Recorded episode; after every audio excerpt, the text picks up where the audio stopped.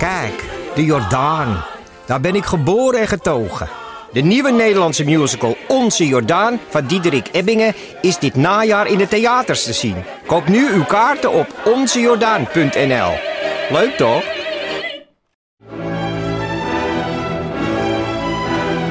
Dus jij koos voor deze podcast. Maar was het een bewuste keuze? Was het een moeilijke keuze? En wat zegt deze keuze eigenlijk over jou? Keuzes. Daar hebben we het over tijdens de Row Now Inner Choices. Een kort en krachtig concert met Maler en Frank. Een avond waarop experts je meenemen in drijfveren, twijfels en de gelijkenissen tussen keuzes in muziek en het echte leven.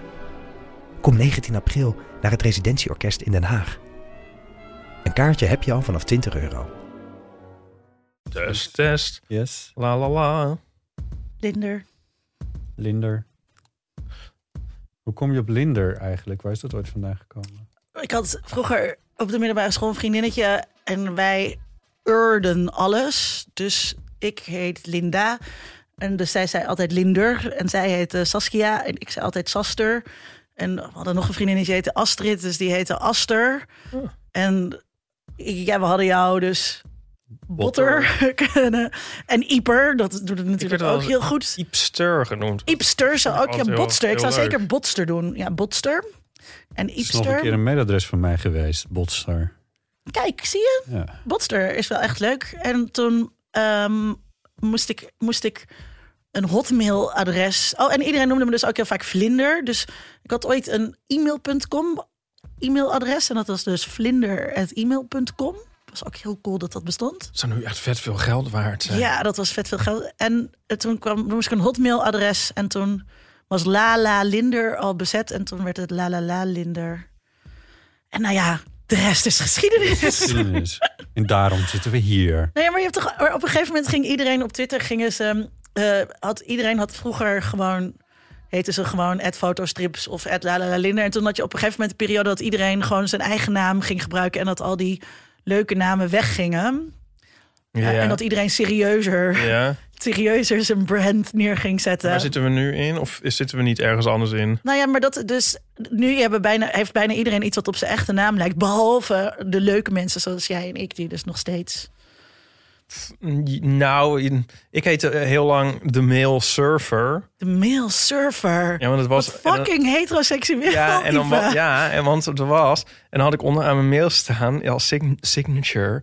Thank you for connecting to the mail server. Oh, de mail surfer. ik dacht, Ja, nee, maar ik had... Ja, maar mails? Dat had ik ook. Ik had de mails, de mannelijke server. ja, de surf dudes. Ja, maar ik, dan stond eronder mijn mailtjes. Thank you for connecting to the mail server. Zodat mensen de- de link zouden leggen. Oh, een Het doordenker. wordt zo'n ding dat, dat je niet meer beter weet na een tijdje. En dat is- weet je wel.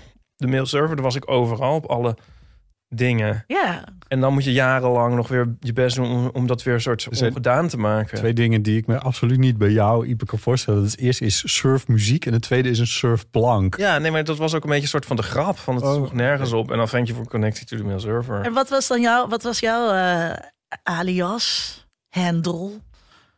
Ik weet eigenlijk niet meer. Ja, dat botster, dat was iets, maar dat had mijn neef eigenlijk ook al. Die heet ook Botter Jellema. Ja, Dus ik kon daar niet echt heel veel mee. Ik weet, ja, precies. Ja, je had van die, van, die, van die gekke namen inderdaad. toen je op ICQ ging of... ehm, Ja, dat kan me niet meer herinneren hoe ik toen heette. Maar dat weet ik niet meer. hmm. En ik heb nu weer een bizarre naam op Instagram voor mijn persoonlijke... Want ik heb een Photoshop-account en een Mhm. persoonlijke. Ga je die nu publiek maken? Nou, nee. Maar dan wilden de men, gingen mensen heten de verkeerde taggen. Ik raakte er zelf een soort van in de war. Ik weet ook niet welke ik dan moet taggen. Dus ik was Ipe... Ik had fotostrips en Ipe Driessen. En nu heb ik fotostrips en een soort onbegrijpelijke naam. Ja, maar welke moet ik dan taggen? Fotostrips. De publieke. Nou ja, het ligt aan wat je tagt. Ja, nee, ja, de Is het privé? Is het privé of is het privé. professioneel? Ja, nee, ja. Maar dag en nacht of zo, die moeten ook gewoon lekker fotostrips taggen en niet mijn andere. ik wil het wel zeggen, want ik heb hem ook afgeschermd zelfs. ja. Ik ben erachter gekomen hoe je die groepschats Het is, uitzet eh, het op is een beetje Instagram. fans only, hè, wat jij hebt daar. ja. wisten je jullie hebt toch dat? mensen die daar dan geld voor vragen? Ja, ja, ik dan, betaal ook voor IPES. eh. die ge- geef me geld en dan mag je op mijn privé-account. Ja, ja. Op je privé Instagram? dat Ja. doen mensen. Nee, is daar, kun je daar geld voor Dat, vragen? dat Ja. is wat fans only is. Nee, ja. OnlyFans is iets anders. Dat is toch een... eh, eh, dat is een site, toch? Ja. Dan betaal je via een site, neem ik aan. Oh, ik begrijp dat het van... Ik zie al die eh, jongens met veel te korte broekjes op fotootjes die zeggen van kom bij mijn fans only en dan betaal je dit bedrag en dan mag je op dit Instagram account. OnlyFans. maar ja, dus, maar Only, OnlyFans is de naam van een platform Ja, maar dan is dat dus iets anders dan wat dan fans only. Ja. Dit is voor fans Ja, only of zo. Dat ik I don't know. Maar wij roepen op Instagram ook op om vriend voor de van de show te worden, zonder dat, dat we dan op Instagram ook daadwerkelijk. That went well. Hebben jullie eigenlijk exclusieve content op, eh, op Vriend van de Show? Wat leuk dat je daarnaar vraagt, Linda. ja, eh, zeker. Wij doen hele leuke dingen met vriend van de show. Ehm, binnenkort komt er weer. Kijk op ehm, Vriend van de Show. Slash. Ja, eh, nee, we hebben Kijk op dingen vriendvandeshow.nl slash geeky dingen. slash heel ja. En hebben jullie dat? En we hebben exclusieve content. Oh ja. Ja, je kunt bijvoorbeeld. ehm, we, dat hebben we één keer gedaan. Dat, je, dat, dat ehm, eh, een audio commentaar hebben opgenomen bij eh, de original release van ehm, eh, Star Wars A New Hope. Oh, wat leuk. En, en onze. Oh ja, dat wist en, ik trouwens eigenlijk. en onze en onze mensen die genoeg betalen, die krijgen onze feed iets eerder. Oh ja. En die, die audiocommentaar, is dat goed beluisterd? Ja, want we hebben natuurlijk ontzettend veel. Ik weet niet, volgens mij zijn er, zijn er een paar mensen die dit beluisterd hebben. Maar toen hadden ja, we zijn ook nog een beetje natuurlijk aan het kijken van wat je nou kan met die, met die content. En dit was ook gewoon, wij vonden het ook als geeks gewoon leuk om die film met elkaar te gaan kijken. Ja. Dat was niet een straf of zo. Dit idee Terwijl gaan wij. Ik vind het zo'n leuk idee. Dit gaan wij Dat jullie dan, oh, jullie kunnen dan bijvoorbeeld It's a Sin gaan kijken en dan dat met audiocommentaar doen. Wie- Ja, of, of... Ik associeer Botte altijd heel erg met James Bond. Dus ik zit meer te denken aan Dr. No of zo. Toch? En dan heb je ook heel veel Vanwege de tijd om er doorheen te praten. Dat is echt lullig, Ipe. Dat is Nee, echt een lullige opmerking. Dat is niet Mag niet No. botten, niet En dan heb je ook botten veel, dat is lekker een trage film Hands off of the veel tijd... botster. Toch is een beetje zonde om door It's a Sin heen te gaan zitten praten. Ik heb het nog niet gezien. Dat... Nee, ik ook niet. Ik eet met type. Overigens is, eh, ik kwam eh, Bram de Wijs, kwam ik tegen. Bram de Wijs Kom je die Kom- tegen? kwam ik tegen op Clubhouse, want ik kom mensen tegen op Clubhouse. Oh. Clubhouse. Clubhouse. Oh. Hoe heet je op Clubhouse? Clubhouse heet ik gewoon Botti allemaal, dus kun je me ook vinden op Clubhouse. Oh, only Clubhouse. Super exclusief. Maar Bram de Wijs die zegt dus over, over exclusieve content voor, eh, voor, voor fans. Hij maakte dan een podcast die voor zijn eh, Patreon, zo, wat had hij, petje af, weet ik, ben ik even kwijt. Ehm hij zei van ja, dat Only wordt Patreons. niet, niet heel erg goed beluisterd. Wordt niet heel erg goed. Toen dacht ik, ja, ja, goed, ja. Dus dat is ook een beetje wa- wat wij erop hebben staan als exclusief voor, eh, voor onze vrienden van de show, is eh, dingen uit onze ehm de theezakjesvraagbehandeling uit onze theatershow. Ehm, dus dat is verder nergens anders te beluisteren. Maar, Ja. En dat hebben we toch al. En wel echt super leuk. Ja, eh, Overigens, mensen. ja, dus dat Denk je nou van, is dat leuk? Ja. Ja, dus dat, dat kun je dan gewoon beluisteren. Dus dat is wel een wel Dat dat, is- dat mis is- je ja. wel als je dat. Maar, dat is, maar dus echt inderdaad extra's, zo behind the scenes of zo. Dat is denk ik wel leuk. Maar je moet natuurlijk ook... ehm, dus daarom dachten wij van, nou, dat is leuk om die, om die film te gaan kijken. Want dat is dus niet echt extra werk of zo. Je hebt het, wij, wij vinden het leuk om te doen en je hebt het zo ja, gedaan. precies. Want je moet dus wel een beetje zoeken. ehm, ja, dat klinkt misschien voor luisteraars dan heel lullig of zo, maar je bent wel, ja, je, je moet wel extra tijd ervoor uittrekken. Ja. En als er dan inderdaad zes mensen zijn Ja, dan schiet het nog niet die, op. die daar 5 euro voor betalen, ja, Ja, dan heb je ja. 30 euro en dat is Ja. leuk, 30 euro, Ja, maar, maar precies, daar, nou, daar kan je natuurlijk geen uur voor werken. Precies, en daar liep Bram dus een beetje tegenaan. Misschien, de, dit is al een tijdje geleden dat hij dit heeft gezegd. Misschien denkt hij er inmiddels wel heel anders over, dat weet ik niet. Dan zit je al zo lang op Clubhouse. Dat Ja, het alweer een tijd geleden is. dat nee, dit, heeft hij erg, dit zei hij niet op Clubhouse, maar ik kwam Bram tegen op Clubhouse.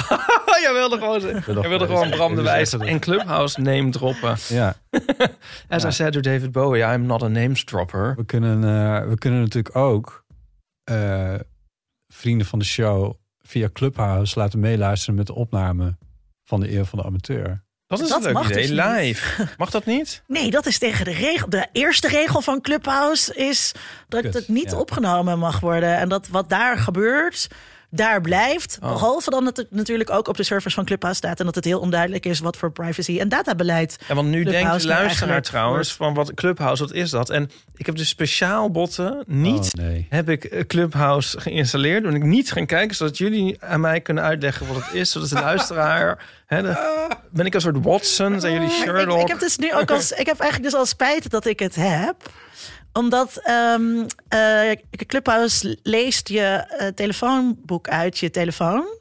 Je- Dus je contactenlijst. En ik weet heel Oh. goed dat dat heel slecht is. 30 andere apps in je telefoon ook nog doen. Maar Precies, maar dat, en dat weet ik wel. En toch dacht ik, ja, maar ik wil toch eh, de, de contacten en zo. Dus toen was ik daar een beetje ehm, ingetuind. Mhm. En ehm, eh, ik heb hier een blogpostje over geschreven. Ja. Dat wat, wat dus heel slecht. Je ziet dan dus op, op een gegeven moment zag ik staan dat mijn tandarts zoveel vrienden had die ook op Clubhouse eh, eh, zitten. en ik kan natuurlijk niet zien welke mensen precies dezelfde tandarts hebben als ik. Maar eh, Clubhouse ziet dat wel. En dat betekent dat dat niet alleen je. Tussenvraag. Oh. Jij hebt de 06 van je tandarts? Vet. ehm, ja, weet ik eigenlijk niet waarom dat nummer. Eh, nee, nee, want het gaat natuurlijk, het gaat op telefoon. Weet ik eigenlijk niet, maar je ziet inderdaad standaard. Ja, dat is gewoon een 020 nummer. Oh.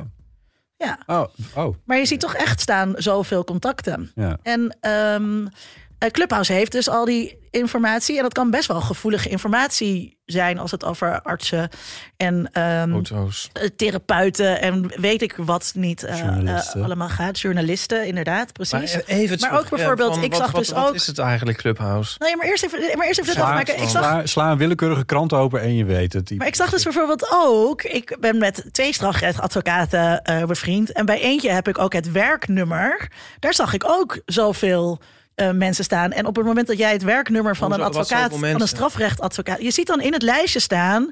ehm, dus moet je deze persoon, wil je deze persoon Holleder. wil je deze persoon uitnodigen voor Clubhouse? Want die heeft al zoveel vrienden erop. Dus ik zie hier bijvoorbeeld, ik open nu dus mijn Clubhouse. En dan zie ik bijvoorbeeld staan, Hadjar heeft 133 vrienden op Clubhouse. Wil je haar niet, niet inviten? Kinky Kapper, Maar 109 wat gebeurt er vrienden op als je haar Clubhouse. invite?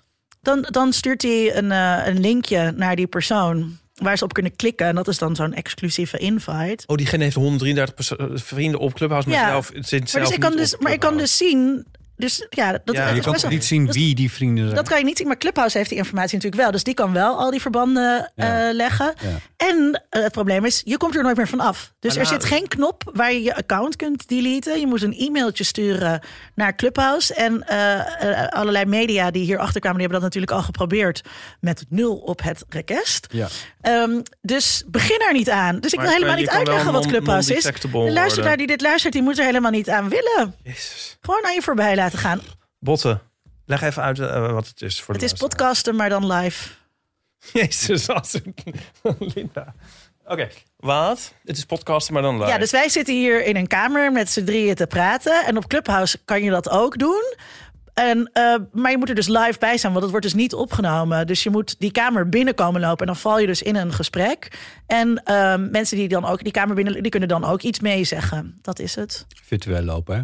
Er is geen beeld bij, dat is het hele ding. Nee, nee. Maar eh, als nu hier iemand binnenloopt, dan mm, over het algemeen gaan ze dan niet ook meepraten. Nee, je, Ja, dus kan, heel veel mensen luisteren dus inderdaad mee. ja, je kan dat als... Je bent, er zit een soort van...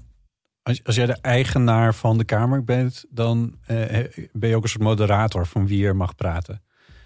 Dus, Oh. nie- dus je kan jezelf ook op mute zetten trouwens. Dus je, je bent er zelf ook nog steeds... Je kan iemand sprekersrechten geven. Het is superleuk, maar je geeft je totale privacy op.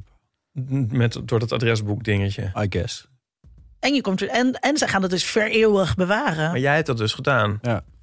En Voordat ik Linda's blogje had gelezen. Dus ja, vind ik nou niks voor jou, botten. nee. Heb je nou spijt? Het hangt als een Nee. molensteen om je nek, zie ik. Ik Ja. zie het aan je beetje. Maar, het is, maar het is, ik vind het zo grappig dat je er. Dat, ik ben best wel eh, eh, redelijk bewust van, van dit soort dingen. En toch wel redelijk digitaal savvy. En dan tuin je er toch weer in. Ja. dat vind ik best wel, dat Ja. is best wel kut. Ja. Maar Want als wij er al dachten jullie er te vinden, gewoon even meedoen. Nou ja, maar het is wel, het was, nou, het is, het is een audio-only, dus dat vind ik dan sowieso wel interessant. Ja.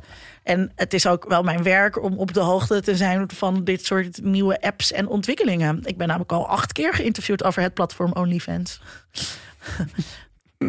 Letterlijk? Letterlijk, ja, letterlijk. Acht keer? Ja, ik denk ondertussen al wel acht keer. Maar, eh, oké. Waarschijnlijk weet ik echt helemaal nul van. En is het inderdaad OnlyFans wat ik bedoel. En gaat Maakt niet uit. Dat maakt helemaal niet uit. Ja. Hey, maar, en, ehm, maar is het dus... Maar is het, dit, dit is geen gespeelde naïviteit van ik wil dat niet. Want ik denk dat ik het wel wil. Maar het is, ik weet het gewoon echt. ik, ik denk niet dat jij op OnlyFans... Nou, ik weet niet of ik er zelf op wil. Dat is weer wat anders. Ik De vraag is, ja, wil jij geld betalen voor naakt content van Bram de Wijs? ja, dat, want dat is OnlyFans. Dat- Ik Ja. ben misschien een heel serieuze bui, maar ik heb nu toch de neiging om even te zeggen van Bram de Wijs zit daar niet echt op hoor mensen. Dat was een hypothetisch voorbeeld. Maar, Maar ben je ehm, zo serieus? ja, weet ik niet. Nee. Ik wil nog meer weten over Clubhouse. Oh, echt? Oh, ja. vinden jullie het nou leuk, zeg maar, afgezien van dat, dat, dat, dat je je privacy hebt weggegeven? Is het een soort dat je denkt, oh leuk, ik ga nog even naar Ja, het Clubhouse? is een leuke vraagstelling die je daar formuleert. Vinden jullie het nou leuk dat je, dat je je privacy hebt weg? nee, dus afgezien daarvan, Jezus, wacht, wacht. De hele maar tijd... ga je er met plezier heen? De Ja, hele ik bedoel, je kan naar de bioscoop gaan en dan kan je op de heenweg eh, je teen heel hard stoten. En dan kan je toch nog vragen, maar, maar was de film wel leuk? Ja, nou ja, ik weet niet. Ik heb er één avond op gezeten. Dat was best wel gezellig. Ik, ehm, eh, ik heb één keer echt iets gehoord dat ik echt interessant vond. En dat was een, eigenlijk, ja, ik zou dat een panelgesprek noemen met eh, makers en cast van Mokka Mafia.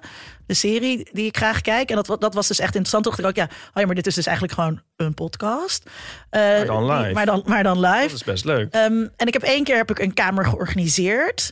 Eh, samen met Sarah. En eh, dat, dat was ook heel leuk. En toen hadden we een onderwerp dus van tevoren bedacht. En de tijd aangekondigd. En we gingen het hebben over... mag je overal alles dragen? En we dachten ook, het is ook leuk. Sarah vanuit strafrechtperspectief. En ik vanuit sociaal-wetenschappelijk perspectief.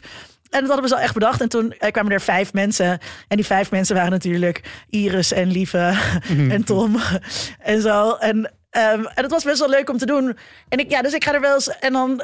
Ja, het, je, je- het is een beetje alsof je naar het café gaat en dan zit er een tafel naast je met mensen die een interessant gesprek voeren. En daar luister je dan een beetje naar. Maar je kan dus ook heel makkelijk. Er staat, het knopje staat dan ook leave quietly. En dan loop je weer weg. Ja. En dat, toen ik die kamer had georganiseerd, vond ik dus ook best wel raar. Dat bijvoorbeeld Volkert, die kwam er heel even in. En toen ging hij dus weer weg. En dan had ik niks gezegd. Ja. Wat een Geen groetjes aan Volkert. Oké, Ja. nee, maar ehm, ja. Dit zijn, Dus, Ik krijg langzamerhand heb ik een beeld, maar en eh, is even, het... even die namen, dat zijn allemaal onder mediadoctoren kindjes. Hè, waar je, Allemaal oud onder media doctoren kindjes. als ik het zo Ja, beluister, is het dus podcast ook niet inteelt. toevallig dat dat nu in deze lockdown een hit is, zeg maar. Het, is, het zou Nou, een soort... ik, ik, ik, Wat een leuke vraag, Ipe. Nee, dat heeft zeker inderdaad te maken met deze lockdown. Ik heb Ja. er best wel zin in, namelijk van hoe jullie het nu aanprijzen. En ik heb al 70 invites gehad. Ik word helemaal door overspoeld. oh Uit mijn een soort god. recalcitrantie ben ik er Kijk nu op hem nou eens even populair zijn. Ja, kijk hem populair zijn. Jij zit erin. Op. Maar het is dus ook met die invites. Dus weten jullie nog ehm, Google Wave? ja, Nee. Weet je dat nog? die weet ik ook nog, ja. Google, Google, Plus. dus een vriend van me die zei dat, ja, eh, met die domme invites. Weet je nog Google Wave? Toen dacht ik, oh ja, Google Wave. Want toen was het ook zo, oh, dan moest je ook een invite hebben. En Ja. Google Wave ging het helemaal worden. En Google, Sterker nog, met. Gmail. Google moest- Wave heette het. Ja, Ja. maar met Gmail moest het ook. In Ja, het begin, ja. En dat iedereen wilde een invite. En toen had iedereen een invite. En dat, en dat was het dan ook gewoon een beetje. En Google Wave heeft nooit meer wat gedaan. En toen later werd het Google Plus en Google Hangouts. Die zijn geloof ik gebleven. Maar Ja. dat Wave, dat, Ja, dat dat is... een beetje verdwenen, ja. Ja, en hier dit? was het dus ook met die van ja, je moet een invite. En dus mensen Het was zeiden ook veel oh, te ingewikkeld met van die schillen en zo. Het was heel raar. Het was een soort reactie op, eh, op, op de eerste privacy dingen die er over Facebook naar, bu- naar buiten kwamen. Van het is niet oké en weet ik veel wat Ja. allemaal. Toen ging Facebook dat helemaal optuigen met allemaal van die ingewikkelde cirkels van vrienden die je dan had. Ja, En Waves probeerde dat dan ook te doen. Ja. En dat, daar, dat had het toen... voelt echt alsof het dit 1986 was. ja, toch? dat is echt wel lang. Dat is echt ja, lang het zal internet waarschijnlijk geleden. 2014 zijn, maar het is ja, inderdaad. Maar dus met die invites, dat lijkt dus heel inclusief. En aan het begin krijg je er twee. Maar als je die hebt weggegeven, dan krijg je er vier. En als Ja, je die nee. hebt weggegeven, Dat snap ik. je komt er nooit meer vanaf van die invite. Het is wel een hoop waar je niet meer vanaf. Het klinkt een beetje als een soort SOA, dat hele clubhuis. Maar ehm Ook leuk om wel weer een keer een SOA te hebben. lijft het, denken jullie? Denken, is het, heeft het een kans van slagen? Of is het... eh, Nee. Ja. Oh, wauw. Waarom denk je? Omdat het, ehm, omdat het. Omdat er nog niet iets vergelijkbaars is. In tegenstelling tot Google Waves was er op dat moment al lang een, eh, een Facebook. Ehm, en er is nog niet zo'n soort audioclubje of zo. En het, het is net anders dan al het andere. Het is ook niet een Facebook voor, of het is ook niet een YouTube voor audio of zo. Het is, het is gewoon allemaal net iets anders. Het is ook geen podcast. Eh, al die dingen. eh, dus daar, daar zit wel iets, iets in. Het heeft een live element, wat ik ook wel een beetje anonu vind. Wel een beetje. Radio, maar dan... Ja, hetzelfde. het is, ja, precies. Dus ik zie hier ook wel. Dat beeld en geluid het gaat opnemen en eh Nou ja, bewaren. Waar het me een beetje aan doet denken is, denk ik, niet dat ik, het, dat ik daar nou een expert in ben, maar Twitch is dan zo'n plek waar, eh, waar gamers hun, hun Oh, ja, ja. livestreams allemaal opzetten. Voor meestal voordat het op YouTube, I don't know, ik weet niet hoe ze dat doen. Iedereen doet het op zijn eigen manier, maar in ieder geval, daar zitten dus mensen te gamen en dan kijk je mee. Dat is Twitch. En eh, ik heb een beetje het idee dat dit dat voor audio zou kunnen zijn. En dat het ook best zou kunnen dat op Twitch heb je ook allemaal van die grootheden die daar dan ook echt van leven en zo. Ik denk dat dat bij Clubhouse ook wel zou kunnen ontstaan. Dat er zo'n kamer is. Ik, wat, ik, wat, is dus, wat ik denk dus dat lastig is, is dat het ehm, eh, alleen maar live is. Dus er is niks opgenomen, je kan niks terugluisteren. Je moet er altijd op dat moment zijn. Ja. Terwijl we heel erg in een on-demand tijd, tijd leven. Ja. En nu zit iedereen thuis en hebben mensen niks te doen. Maar het valt in staat met wie er Ja. in die kamers zitten. En op het moment dat mensen straks gewoon weer naar het café mogen... Ja. Ja, Ja, dan... That's a big if. Maar nee, ik snap Ja. het. ja. Ja. Maar ik, Ik denk dat het dan ik dus- vermoed dat de eerste stopt. regel van Clubhouse, eh, denk ik, Linda, dat die, dat die gaat vervallen op een gegeven moment. En dat mensen dan, net als bij Twitch, want dat nemen ze dan ook op. En dan gaat er op YouTube, komt er dan een hele hippe vlotte versie van, eh, van zo'n game. En De eerste regel, luisteraars, is dat je het niet mag opnemen. Maar dan, maar dan is het dus weer gewoon eigenlijk een podcast.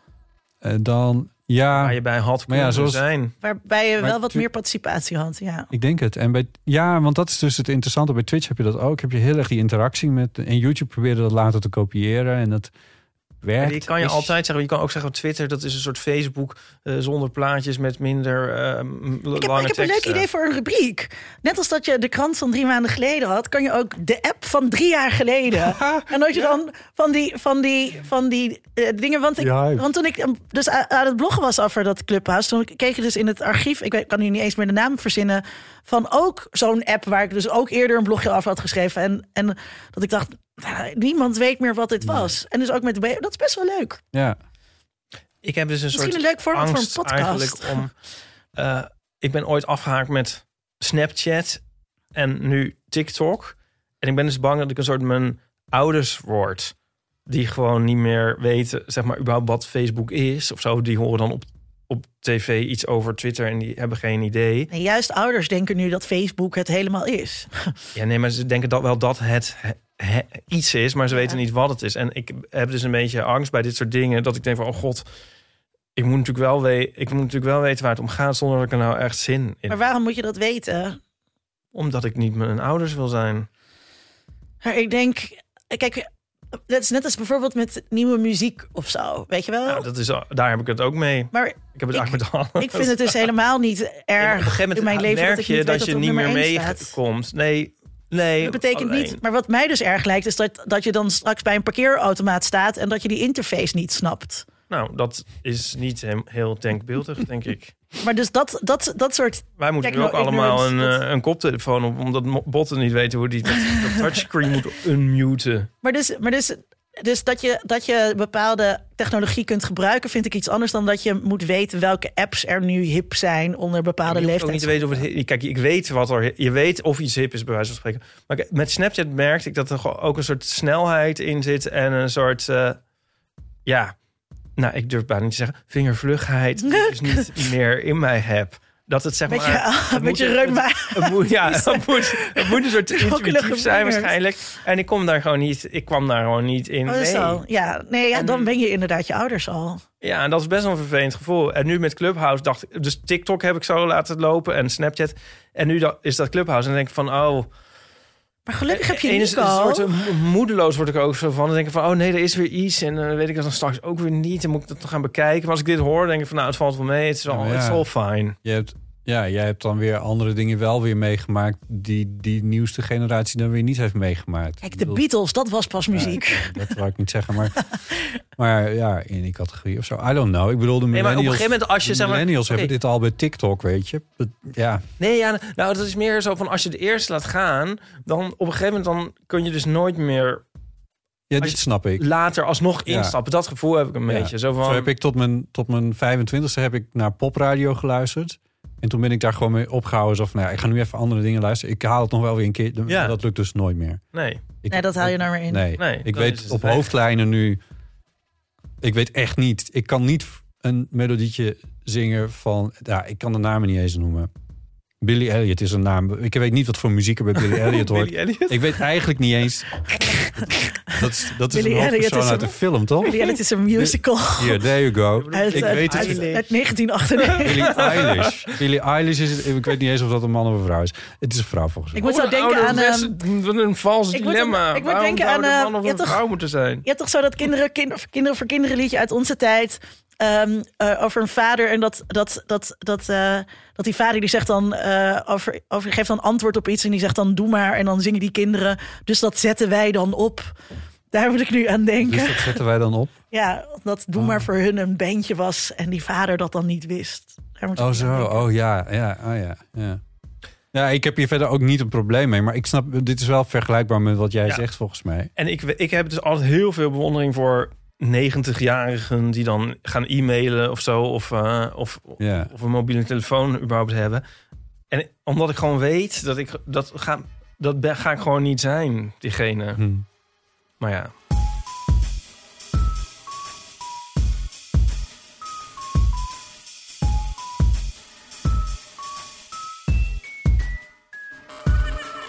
Welkom bij Deel van de Amateur, aflevering 176. Deze keer met aan tafel Ipe Driessen. Hardo. En Linda Duits. Hallo, bonjour. Yay. Wat fijn dat je er bent. Zo leuk dat ik mag komen. Mijn naam is Botte Jellema. We zitten in de studio van Dag en Nacht Media. Ehm, en Linda, jij komt net uit een andere kelderbox. Uit de kelderbox. Ja, het eh, voelt... eh, Uit welke kelderbox? ik kom net uit de kelderbox. Klinkt heel... eh, Ja, dat, ik weet niet of ik dit dus moet vertellen. Oh, Ehm, garageseks gaat dit over. Kelderbox d'amour. als je de kelderbox d'amour. Als je toch het woord kelderbox zegt, dan denkt iedereen toch gewoon. Ja, Aan- heel erg aan. Jongens met bokshandschoenen aan en, en meisjes met weinig kleren. En Ja, en, jouw, ja, en, jouw research van... en ik, ik denk, ik 15 jaar denk dus meteen inderdaad aan, eh, aan verschrikkelijke seksuele uitbuitingstoestanden. Ehm, en ik heb dus zelf ook, als ik dan dus inderdaad op mijn rug in de kelderbox lig, dan denk ik ook heel vaak van hebben hier andere vrouwen ook naar dit plafond liggen staren in de kelderbox. Eh, terwijl ze. ehm, Zo, we gaan even... Ja. Ja, maar dus. ehm, ehm, nee, ik weet dus niet of ik het moet zeggen vanwege de corona-dinges. Maar mijn, ehm, mijn personal trainer. Die heeft dus een kelderbox. En die heeft hij omgebouwd tot mini eh, personal trainingsstudiootje. Wat je dan moet zeggen is van, heeft misschien... Dat ik heb een vriendin. Ik heb een, een vermeende, vermeende tra- trainingsleraar. en ehm, Hoeveel mensen zijn jullie daar dan? ik heb mijn trainer. Oh. Ja, nee, anders dat zou natuurlijk niet kunnen. maar, ehm, en, eh, en, maar, en het is dus super fijn, want ik, ik kan eh, gewoon met mijn trainer daar trainen. En hij heeft eh, een squatrekje en dumbbells en een bankje en heel veel elastieken en allerlei dingen. En dan, eh, en dan ehm, ja, moet ik daar dus op mijn rug liggen performen. Moet het allemaal op je Dit rug? klinkt goed. Nee, maar dat vind ik, dan- dat vind ik dan heel grappig. En, eh, en, maar het went dus nooit. Dus ook elke keer als ik dan zelf zeg... ja, ik ga nu naar de kelderbox... dan moet ik er eigenlijk ook nog steeds zelf een beetje... een soort van besmuikt om lachen. Maar het is er heel wel fijn in de benieuwd naar. kelderbox. Want hebben wij, hebben wij kwade reacties gehad... naar aanleiding van mijn eh, voornemen een kapper te bezoeken? Nee. Nee, dus volgens mij... ehm, hoe vinden jullie trouwens dat het zit? Goed. Ja, hè? Heel goed. Volgens mij valt het dus wel mee met ehm, hoe Met de aangiftebereidheid. de aangiftebereidheid van de luisteraars. Hmm, dat is wel goed om te weten. Maar, ik, maar dus ik, toen bij de, bij de eerste lockdown... toen, eh, toen eh, een, een vriend die had dus eh, nog een feestje gegeven... met echt twaalf mensen en zo. En toen ging een andere vriend van mij, die had dat gezien... en die ging eerst bij mij daarover bitchen. En toen had hij bedacht, nou, ik ga er toch zelf wat van zeggen en zo. En toen was er echt heel veel shaming op, op dat soort activiteiten. Maar denken jullie dat dat afgenomen is dan? Ja. Ik denk, nou, ik denk het wel, ja. Ja. Of, Of iedereen heeft een beetje zijn eigen regels gevormd. nou ja, maar een feest met 12 mensen vind ik ook weer anders dan als je met één personal trainer gaat. Af en toe, omdat je nog een beetje gezond wil blijven. Ja, Zo vind ik zelf dan weer mijn onderscheid. Maar Ja, Die hele solidariteit rond het naleven van die, van die coronaregels en die sociale controle, dat is toch allemaal een beetje kapot onderhand. nou, ik weet is niet. Ken je de website twitter.com? het is allemaal kapot Ja. gegaan met het huwelijk van Fred Grapperhaus. ja, dat, ging al, dat begon al niet goed. nee. Er- Het duurt natuurlijk ook zo lang dat je, dat je niet anders kan dan je eigen regels maken. Nee, Dat was wel-? Ik, was, ehm, ik werd gebeld, dat was zo exciting. Ik werd gebeld door ehm, de journalist van de, de dagelijkse podcast van The Guardian. Oeh. Jazeker, jazeker. Laat een soort stilte Je mag in, in oeh kunnen vallen hiervoor. En die wilde dus, een, ehm, ze zou me vandaag terugbellen als ik, als ik erin zou komen. Dus ik neem aan dat het niet doorgaat. Ehm, en die wilde een aflevering maken over dus de seks en de singles en, eh, en dat soort dingen. En, eh, en toen hadden we het er ook over. Dus zij wilde weten van wat zijn nu de regels eh, in Nederland. Want zij hadden helemaal gemist natuurlijk dat het RIVM dat weer ingetrokken heeft. Die seksbuddies en eh, knuffelmaatjes die eerst eh, vermeld waren op de, in het advies. Ehm, en toen hadden we ook zo'n gesprek van... ja, wat is nu eigenlijk de sociale norm? En, en die, die seksbuddies, dat is prima. Er is, ook al staat dat niet meer op de site, er is niet... als jij tegen iemand zegt, ja, ik heb een seksbuddy... waar ik afspraken mee heb, dan, dan is er niemand die zegt... oh, dat mag niet, want zo staat het niet geformuleerd of Nou, een paar mensen die in Jezus geloven vinden dat nog steeds niet oké, maar ga verder, ja. Ja, precies. Maar, dat, maar dan, dan, dan mocht het sowieso niet. Dan mag je sowieso geen seksbuddy met Nee. of zonder corona. Nee, is waar. Ehm, dus ik heb wel het, iedereen, en dat ligt natuurlijk misschien ook aan de sociale kringen en zo, maar iedereen heeft wel een beetje van, nou, dit zijn de regels en dit is hoe je ze acceptabel oprekt. Ja, en ik denk dat iedereen misschien onderhand wel zelf een beetje boter op zijn hoofd heeft. Want ik kreeg nog wel eens eh, boze berichtjes op. Hmm. Als het, dan zet ik een fotootje op Instagram en dan was ik met vier mensen op straat of zo. En dan was het van, oh, mm, Hmm. oké, misschien waren het acht mensen. Maar eh, I don't know. Maar Oké, misschien was het binnen met 15. Ja, maar hij die zonder, zonder zonde is, werpen die eerste steen. ja, die mensen die zonder zonde zijn, even die voor die zijn Jezus onderhand wel heel eh, dun ge of bezaaid. Daar wil ik even afwezen. Dus dat zal ook wel schelen, denk ik. Ja, Ik denk het ook. dat Ja. hoop ik in ieder geval wel. Ja, Ja. Zal ik dus dan maar vertellen over mijn ille- illegale bezoek aan een kapper? vertel. Ehm, nou, ehm, Nu dit een safe space blijkt. Ja, omdat ik dus, dat zoals ik de vorige keer al zei, eruit zag als een soort SS'er zonder geld. eh, moest ik wel naar de kapper. Ik moest echt naar de kapper. Het kon gewoon niet. Nu ziet hij eruit als een SS'er. Ja, ze is er met gehaald. Heel arisch.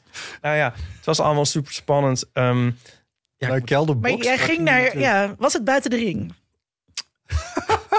ehm, nee, het was, nee, het was helemaal Oh, niet buiten. Linda. Nee, nee, het was in, de- nee, Kelderboxen zijn altijd buiten de ring. het was in het centrum. Oh, En ehm, eh, het, was heel, het voelde dus als een soort daad van verzet. Want je kreeg een soort, soort lijstje met instructies. En dan was het van eh, eh, niet aanbellen, maar appen als je er bent. En, ehm, drie keer met, kloppen een, en het wachtwoord. met een muts op naar binnen en naar buiten. Een soort, een soort speak-easy tijdens de drooglegging. Ja. Wat Ja, goed. dus het was... ehm, Maar het was dus één plek waar, waar dus dan waar, waar dus alle Ja, en te Ipe, je moet mensen de aankloppen. Er even bij Echt vertellen een illegale kapper. hoe je aan deze kapper bent gekomen. ja, is dat, is dat niet geheim? Dat heb je de vorige keer al verteld. Dus Oh, of via jij, Grindr. Oh, ja. Ja. Nou ja, ehm, ik ben er heel blij mee. Maar, maar hij hij adverteerde er- zichzelf als kapper op Grindr. Ja. Met een schaar- emoji schaartje. Zo, crystal meth, Ja, eigenlijk wel. kapper, Ja, eigenlijk wel, ja. Ja, ja. alle leuke dingen in het leven. Alle leuke Ja. dingen in het leven kun je op. Grindr vinden. Ja. ja. Ik ben dus, ik, ik heb dus mijn haar is extreem lang en ik vind het heel vervelend en heel vrouwelijk en het zit me heel erg in de weg. Maar toch weet ik niet of ik er dus het risico voor durf te lopen om naar, Nou, om naar zo'n smoetsige kapper te gaan die met zijn handen aan allemaal andere mensen zal ik zit. iets zwaar No overdreven is misschien vertellen. Maar wat ik toch eigenlijk wel van toepassing vind. Ik merkte het eigenlijk ook meteen bij mezelf. Dit heb ik uit het boek Slaughterhouse 5 van Kurt Vonnegut. Ehm het gaat over dat hij in, in krijgsgevangenschap zit, of de hoofdpersoon dan in eh, Dresden. En ehm, dan eh, ziet hij dat men, sommige van de krijgsgevangenen... die doen heel erg hun best op hun uiterlijk nog. En die scheren zich en die proberen zo goed en zo kwaad als het gaat... nog iets aan hun haar te doen. En die houden hun kleding netjes en die poetsen hun schoenen nog en zo. En er zijn mensen die dat maar laten zitten en het bijltje er soort bij neergooien. En die sterven. Ja. En eigenlijk is dat dus nu ook een beetje. Ik was zo slonzig aan het worden. En ik laat dus dan eh, laat je dus ook alles. Dus zodra ik van die kapper terugkwam, dacht ik van goh, nu ga ik toch ook eens. Nou, ik heb net twee taart gegeten, maar nu ga ik toch ook weer eens een keer. Het ziet er hartstikke goed uit hoor, Ipe. minder eten en toch wel weer eens een beetje sporten en zo. Want misschien, Misschien gaat die lockdown ooit opgeven Oh, ja. weet je wel, misschien is het nog niet allemaal voorbij. En, moet ik, en dat vind ik eigenlijk dus een soort. eh daarom keur ik het totaal niet af dat jij gaat sporten met iemand in een kelderbox. Want ik vind dat wij dat, ja, dat recht eigenlijk gewoon hebben. En wat was het mechanisme dan waardoor die mensen die zichzelf niet meer onderhielden, dat die dan stierven? Ja, Ipe, jij hebt dat vaker gezegd over die van, van de Good. En volgens mij heb ik toen ook al gezegd van er zit echt een, een ontzettende bias in die, eh, in die conclusies. Je kan ook zeggen dat, eh, dat die selectie van tevoren al is gemaakt in feite. Ik bedoel, het, hoeft niet, het een hoeft niet het gevolg te zijn van het ander. Er is een correlatie, maar er is niet per se een, een oorzaak-gevolg. die, En die bedoel jij wel. Ik denk, en die nou, vind ik denk best dat er legitiem, sprake daar is gaat van het een, niet om. Ik denk dat, er, eh, dat het allebei is eigenlijk. En dat het een soort spiraal is. En ehm, snap je? ja, maar leg, maar leg, eens, leg eens uit als je wil. Nou, er kan een correlatie zijn. Het, er kan een soort zelfversterkend effect van uitgaan. En als je zeg maar dat wel je best blijft doen, dan hou je het wel langer vol. En misschien Ja. lang genoeg, zou ik maar Volgens mij zeggen. geldt dit dus trouwens ook over eh, technologisch meekomen. Dat op het moment dat je dus bepaalde dingen zegt, nou ja, dit, la- dit laat ik maar gaan of dit hoef ik niet meer te begrijpen. Ja, dat je het ook laat gaan. Ja. Ja. Net als met mij met mijn popmuziek. Ja. Ja, Ja. Ja. dat is wel waar. Ja. En ja, het gaat zich opstapelen. Want als je het één niet meer uit... Het is ook een beetje zo van... Als je je moraal loslaat, dan misschien eh, kun je het ook zeggen. Zo van, nou ja, ik heb nou één keer gestolen. Dan kan ik nog wel een keer doen. En eh, dan kan ik daarna wel een... een Heel leuk verhaal doen. trouwens van die. Duitse Ja, mevrouw dat was Rut. een vlaktheorie. Ja. ever. Ja, ga verder. En ehm, ja, dat, dus dat is het een beetje van. Als ik Maar- er zo uitzie met, met dat haar, Ja, dan dus- hoef ik dus ook niet meer eh, iets leuks aan te trekken. En dan Ja. hoef ik ook niet meer. Maar ik denk dus dat dat inderdaad, dat, dat, dat is bewegen. wel... En dan ja. hoef ik, als ik dat allemaal niet meer doe, dan hoef ik eigenlijk helemaal de deur niet meer uit. En dan hoef ik eigenlijk ook niemand meer te zien. Maar ik denk dus dat dat, dat dat wel inderdaad echt heel belangrijk is. En dat het ook heel belangrijk is, dus dat je je gewoon aankleedt en de deur uitgaat. En je Ja. schoenen aantrekt als je gaat thuiswerken. Ja. Maar je haar is, kan wel een soort belemmerende factor zijn als het zo erg is gewor was geworden als bij mij. Nou ja, anyway. Dan ben ik echt Ik heel vind- benieuwd hoe het er dan uitzag. Ik vind toch wel dat je vrij snel ging van een nazi zonder geld naar iemand die in een concentratiekamp zit op zichzelf. Maar zo Maar- lang kan het toch... Ik vind jouw haar trouwens heel leuk zo lang. Nou, dat was Nee, krijgsgevangen, geen concentratie. Maar ik hou heel erg van jongens met half lang haar. Dat is ja, wel... dit ja. is gewoon een mat wat ik nu heb. Nee, want hier, is ook, hier heb je ook zo lange lokken. Ja, dat wel. Ja. Voor is wel leuk, maar achter vind ik het echt, ik vind het echt verschrikkelijk. Het is echt een. Nou, ik, vind het heel aantrekkelijk. Rutte zelf die doet heel erg zijn best om de indruk te wekken dat hij dus niet naar een kapper Ja, gaat. maar hij gaat natuurlijk wel gewoon. Ja, Denk je? ik vraag me. we hebben dat zo. Ja, maar dan zo dat je niet kan zien dat ik er ben geweest. Dat zegt hij. Dat is wel, ja. Ja, oh nee. Goed, nu we dat toch over hebben. Want dat is eigenlijk een beetje de aanleiding, Linda. Ik bedoel, het is sowieso heel erg leuk dat je er bent. Maar het is ook Ja. even de aanleiding om je, om je erover te vragen. Want ik, ik eh, voor een week geleden toen eh, kwam er iets in het nieuws. Ja, Ehm, namelijk dat eh Femke Halsema, die had bij, zat bij verschillende media. eh Nieuwsuur, met morgen, Parool had ze interviews gegeven. Ze had een manifest ondertekend namelijk. Geef jongeren voorrang bij nieuwe vrijheden. nou heb je me daarvoor uitgenodigd. Nou ja, toen zei, toen zei ik van, nou, dat vind ik een heel mooi geluid. En toen zei, en dan reageerde jij erop met de weg naar de hel, puntje, puntje, puntje. Ehm, dus daar wil ik het, wilde ik het toch even Ja. over hebben. Ja, Ehm, zal ik even voorlezen wat Parool erover schrijft? We even, even weten waar het over gaat.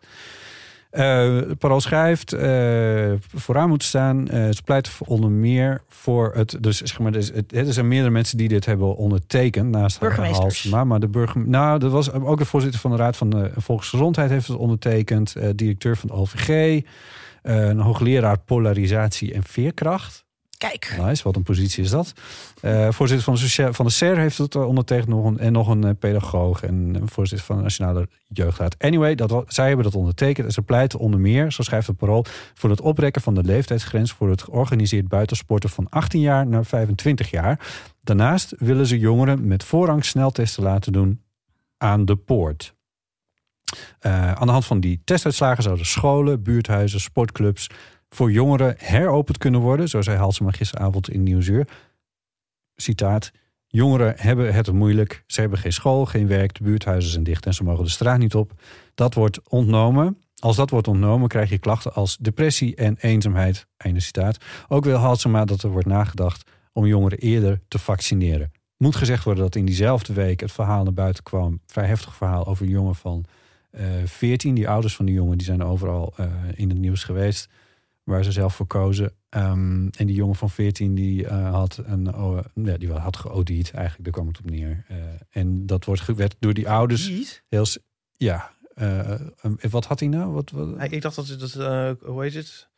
Nou, hij was. De, de ouders koppelden. Barbecue, eh, Ja, koolmonoxide. Maar de reden dat hij, dat hij... Hij had een barbecue in een tentje gezet. Hij had een koolmonoxide Ja. meter bij zich. Oh ja, Kennelijk loopt de jeugd, jeugdvertegenwoordiger met koolmonoxide. Dat is ook een trend die ik gemist heb. Goed, dat kan gebeuren. Ehm, maar die had hij bij zich. Maar daar had hij dan dus niet adequaat op gereageerd. Want eh, hij was overleden door de koolmonoxide. ja. Dus inderdaad, wat ik zei, klopt niet. Ehm, maar eh, dat, was dat, dat hij dat niet in de gaten had, dat werd gekoppeld aan drugsgebruik. En dat werd door die ouders weer gekoppeld aan dat jongeren van tegenwoordig eigenlijk geen fluit meer te doen hebben. En deze Ja. jongens langzaam maar zeker een beetje aan het Maar verpieteren. kijk, het is dus voorgesteld dat jongeren hebben het ontzettend zwaar. Het gaat heel erg slecht ehm, met jongeren. Eh, er was ehm, eh, eh, zo'n bericht hè, over zoveel burn-outs onder jongeren. En dat bleek van een PR-bureau te komen. En iedereen zette dat weg als soort nepnieuws. Wat heel terecht was, want dat was een PR-bureau. En dat onderzoek klopte voor geen meter. Oh. Maar dat neemt niet weg dat er allerlei ander onderzoek is. ehm, dat er ook op wijst, driekwart van de jongeren, ehm, eh, daar gaat het niet goed mee. Dus eh, geeft aan dat hun geestelijk welzijn slechter is dan, dan voorheen. Dus ontzettend veel ehm, eenzaamheid. Eh, ik merk het ook bij mijn studenten. Het, het gaat niet goed met die groep. En dat is logisch op allerlei vlakken. En dat is ook heel erg schrijnend om te zien.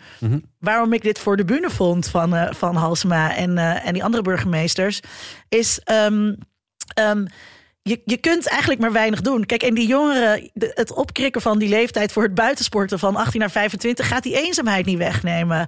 Die gaat, dat is niet een vervanging voor dat je nooit meer nieuwe mensen leert kennen eh, op dit moment. Dat je je vrienden niet ziet. Ik heb nu een clubje van 12 studenten die hun scriptie bij me schrijven. Zes daarvan is weer bij hun ouders eh, gaan wonen. Die wonen niet meer in Amsterdam, terwijl normaal die Amsterdamse studenten toch wel echt hier in de stad wonen. Ja, Ehm, dus dat, dat gaat daar niet aan helpen. nee. En ja, is er één groep die niet vooraan wil staan bij vaccineren. Ja. Ehm, dus we, hebben daar, we waren daar ook op Twitter een beetje grapjes over aan het maken. En toen zei Casper Albers, die ehm, hoogleraar is in Groningen, die zei: Ik stel voor dat we gewoon op alfabetische volgorde gaan vaccineren. Of anders beginnen we van Noord naar Zuid. Ja, precies. Kijk, en elke groep wil vooraan staan. En er is, er is van alles voor te zeggen. Ehm, maar dus dit, ja, elke, elke, dan willen de boeren weer eerst gevaccineerd worden. En dan wil, ja... De, Echt? Is dit Nou ja, nee, maar, Nee, maar goed, ieder- oké. de- de- de- kijk, wel, ja, iedereen wil snel gevaccineerd worden. Maar Dus dat eh, is... dus- dat, je zegt dat het voor de bühne is, maar Ha- Halsema en burgemeesters zeggen dit toch namens de jongeren. Die jongeren, die nou, zij zullen spreken het- niet namens jongeren. Nee, ik bedoel, die pleiten ervoor. Die zeggen niet, wij moeten, die zeggen, jongeren moeten voorrang krijgen bij vaccineren. Dat is iets anders dan als jongeren dat weer zeggen, toch? Oh, zo. Ja, maar, dus, maar, maar, dat, maar dat neemt niet weg dat alle groepen voorrang willen. En de, de vraag is natuurlijk, op wie ga je ze voorrang geven? Ga je Ja. ze voorrang geven op de eh, mannen van 60 plus met overgewicht? Of, weet je, waar... ik weet waar niet, ik weet ik- niet ik- of, sorry, ik ja, weet niet of vaccineren in, in niet het lijstje... voor de bühne zou zijn. Ik vond het een, eh, ik wat het een ik- goede zaak. Ja, Nee, maar ik het vond het dus lost een- niet alle problemen op, maar tot dan toe was er bijna helemaal geen geluid. Nou, dat, vind- ik denk dat er, dat er heel vaak... Niet uit de politiek of uit die hoek. Dus ik vind het echt maar maar dus goed dat ze in mij- ieder geval eens een keertje hun mond open doen. Volgens mij is er best wel, zijn er heel veel mensen die erop wijzen bij al deze problemen eh, bij jongeren. Dit is, dit is niet iets wat je nergens hoort. En het is voor de bühne omdat die oplossingen, die problemen dus niet gaan wegnemen. En dat is het frustrerende aan die hele coronacrisis. Wat, wat, het, wat, wat deze jongeren weer gelukkig gaat maken, is, is als ze weer dingen mogen. En als ze elkaar weer mogen knuffelen. En als ze weer uitgaan, mo- mogen uitgaan. En als ze weer naar school en naar de universiteit mogen. En dat is, en dat is je wil iets Ja, doen. maar als je alleen maar blijft groep. richten op de 100-jarigen en je als, alle, als iedereen zijn mond houdt. Ja, maar ondertussen zijn die 90-jarigen wel, wel gevaccineerd. Maar dus zij gaat ook niet over dat beleid. eh, Nee, dus ja. wat ik dus heel interessant vond, was van, nou, we zijn nu een week verder, want dit was op 11 februari dat dit eh, naar buiten kwam. Dus Maar ik dacht, Wel overigens jonge, jongeren als ingezetenen. Dus in die zin gaat zij er wel over. Ze gaat ook over het welzijn van haar. Nee, maar zij gaat niet over wie er als eerste Nee, gevaccineerd ik, mag maar zij kan daar toch voor pleiten als zij dat eh, als een serieus probleem ziet. Ja, maar zij Dus- heeft daar dus geen macht. Dus Nee, het maar is, ze heeft wel ja. macht, want dat ze het agendeert. En we hebben het er nu ook over. En ze is in talkshows geweest. En tot dan toe werd er... Maar het is voor de bühne, want het gaat niets veranderen aan die vaccinatievolgorde. Oké, Maar Dus, dan nog, ook als, ik kan toch ook iets roepen wat ik- niks gaat veranderen, maar dan hoeft het toch ook niet voor de bühne te zijn. Dan kan ik dat nog wel menen. gedaan is bellen met de voorlichter van Halsema. Kijk, eh, om, te, om erachter te komen, wat is er dan in die afgelopen week daadwerkelijk Ja. gedaan? eh, om te weten of dit voor de bühne was, of inderdaad, of ze hem of er een keiharde lobby gaande is. Research. Eh, ja, want je kan die mensen gewoon bellen. Ja. Echt, Zoals een, ze jo- Jeetje, echt een Botte. journalist. Amazing. Ik vind dat, Manny ik ook vind dat over voorrang moet krijgen bij het vaccineren. Helaas kon ze mij daar niks over vertellen. het enige wat er wel is gedaan is dat eh, er een persbericht was van, eh, van Amsterdam, gemeente Amsterdam, die, op diezelfde dag nog, dus vorige week geleden, van eh. Amsterdamse jongeren die zich somber of gestrest voelen, kunnen vandaag terecht bij Amsterdamse hulplijn Uptalk. Voor als je even down bent via de website www.uptalk.nl, die vandaag live gaat, kunnen jongeren tot 28 jaar gratis en anoniem met een professionele coach appen en chatten voor een luisterend oor, tips of advies. Voor jongeren die liever face-to-face met iemand praten, zijn er speciale inloopmiddagen. Wat ik een hele zinnige interventie vind. Veel zinniger. Dit had wat mij betreft had ze aan tafel mogen vertellen.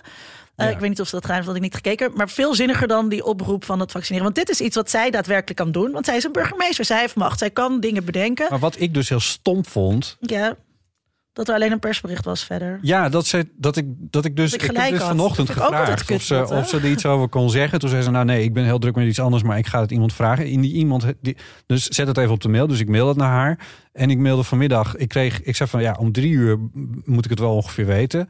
Ehm, niet gek voor een, iets wat in het nieuws is. En dit is. En, eh, maar ze- ja, ze kon het me niet vertellen. En die persoon die het had doorgegeven, die kan kennelijk ook niet reageren. Toen heb ik vanmiddag nog even gebeld. En toen zei ze, het enige wat ze zei van ja, nee, ja, nee, ja, we zijn er niet naartoe gekomen.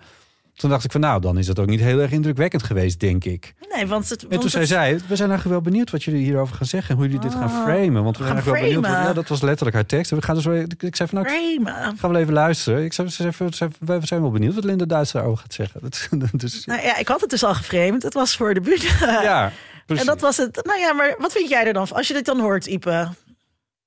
Nou, ik, Dat heb ik al gezegd gezegd. volgens mij. Maar eh, zelfs als iets voor de bühne is, dan is het ook nog voor de, voor de andere bühne, zou ik maar zeggen. Als ik, als ik roep eh, Ajax, Ajax, dan is het wel voor mijn bühne. Maar dan hoort Feyenoord het ook, zeg maar. Wat overtuigend kwam dit er ook weer. Nou ja, heeft dan, dan nog heeft het... Als, als het voor de bühne is, dan nog heeft het zin. Maar ik geloof niet dat het voor de bühne is. Ik twijfel niet aan haar intenties in deze. Maar dat is, dat is dus die weg naar. Ik denk dat zij het hartstikke goed voor heeft met jongeren. En Femke is een hele aardige eh, eh, vrouw. Goede burgemeester. Soms. En ehm, Jullie zijn allemaal je moving targets nu, eh, moet ik zeggen. Maar goed. maar dat. ehm, maar eh, ja. Wat? Hoe, wat bedoel je daarmee? Ben ik te aardig voor Halsema? Nee, nou is het opeens weer van... eh, Oh ja, maar nee. eh, Nou, wat vinden jullie nou Oh, eigenlijk? je vindt... Wat? nou Oh, voor de- zo. Voor de bühne is toch een onwijs negatieve Ja, ik weet uitspraak. dus niet wat ik iets ervan cynisch, vind. wat je niet meent. Zo van, nou ja, dan krijgen we misschien stemmen of zo. En dan vinden mensen ons weer leuk. Dat versta ik onder voor de bühne. Ja, iemand, zei, iemand reageerde er ook op en die zei Femke Halsema heeft het altijd al gedaan. Terwijl ik ben voor de Ja, rest voor best wel een fan van maar Femke Halsema. En het is ook niet dat je dan nooit meer iets kritisch mag zeggen op Femke. Maar dat dit ben vond ik ook ik... met je En het verbaast me, dus ik vind het wel kut. Want ik wil hier, ik had liever gehad dat je had gezegd: Nou, Linda, luister, ze zijn met een heel plan en dit is allemaal wat er gaande is. Ja, ja, dat had Maar ik dat- fijner gevonden. ik denk dat als het plan er was... dat dat vandaag in de loop van de dag echt wel mijn kant op was gekomen. Dat was zeker het geval. Ja, maar dat is niet, want het was en ik gewoon een heb ook persbericht. nog, ja. gewoon even los van, van ik ben niet helemaal afhankelijk van wat zo'n voorlichter doet. Ik heb ook gewoon nog even gegoogeld op Halsema en wat er in de afgelopen dagen daarover over haar naar buiten is gekomen. Eh, en daar stond ook niks tussen over dat ze nog iets voor jongeren had gedaan. Ja, Nou, oké, dingen kunnen tijd kosten. Eh, hou ons vooral op de hoogte, gemeente Amsterdam, over eh, voorlichters van gemeente want ik Amsterdam. vind dus, kijk, je kunt. ehm, ehm, er zijn dus wel dingen die je kunt doen. Dus zo'n hulplijn, nou, dat is, dat is ook al iets. Bijvoorbeeld bij de UvA hebben ze, eh, heeft een student volgens mij, die heeft dat bedacht, heet UvA Walks. Waar je dus ehm, wandeldates kunt maken, zodat je nieuwe mensen kunt ontmoeten. Want dat is echt iets, nou ja, dat voel jij volgens mij ook heel erg. Dat is ook iets waar ik heel erg aan leid. Ik hou van kletsen. En eh, hallo, kletsen. En, ehm, en dus ook kletsen met vreemden.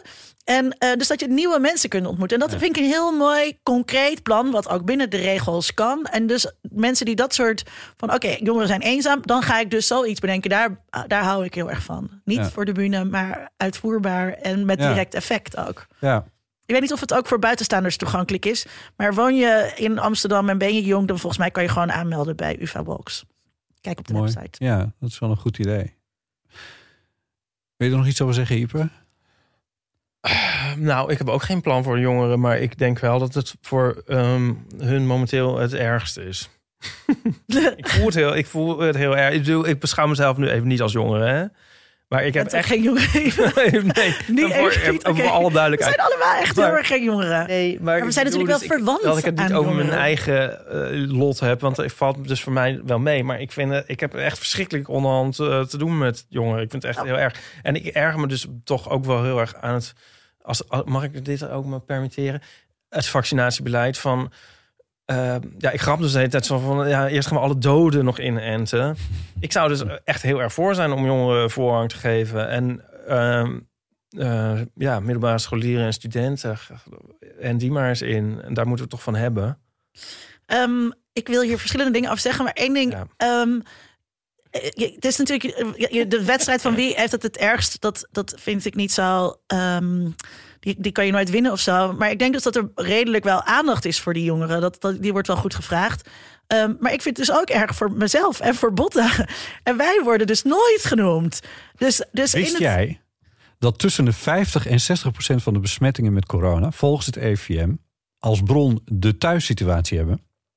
En dat dus alleenwonende singles super coronabestrijders zijn. Hoppakee. En dat ze daar echt nul credit voor krijgen. Dat wist ik niet, nee. Ja. Waar haal je dat? Wist je is dat een je tekst die ik zelf verzonnen heb, maar die, die percentages heb ik niet zelf verzonnen. Ja, Dat staat gewoon in de krant. En bij de website van het RIVM. Nou ja, maar dat is dus wel ook. ehm, eh, eh, ik weet niet of die. ehm, ik sprak in de zomer iemand. eh, toen het dus alweer een beetje versoepeld was. En die had toen nog steeds niemand geknu- geknuffeld. En die was echt. Ik dacht, oh schat. nee, jij had toen al met Nico staan uh, schmoetselen.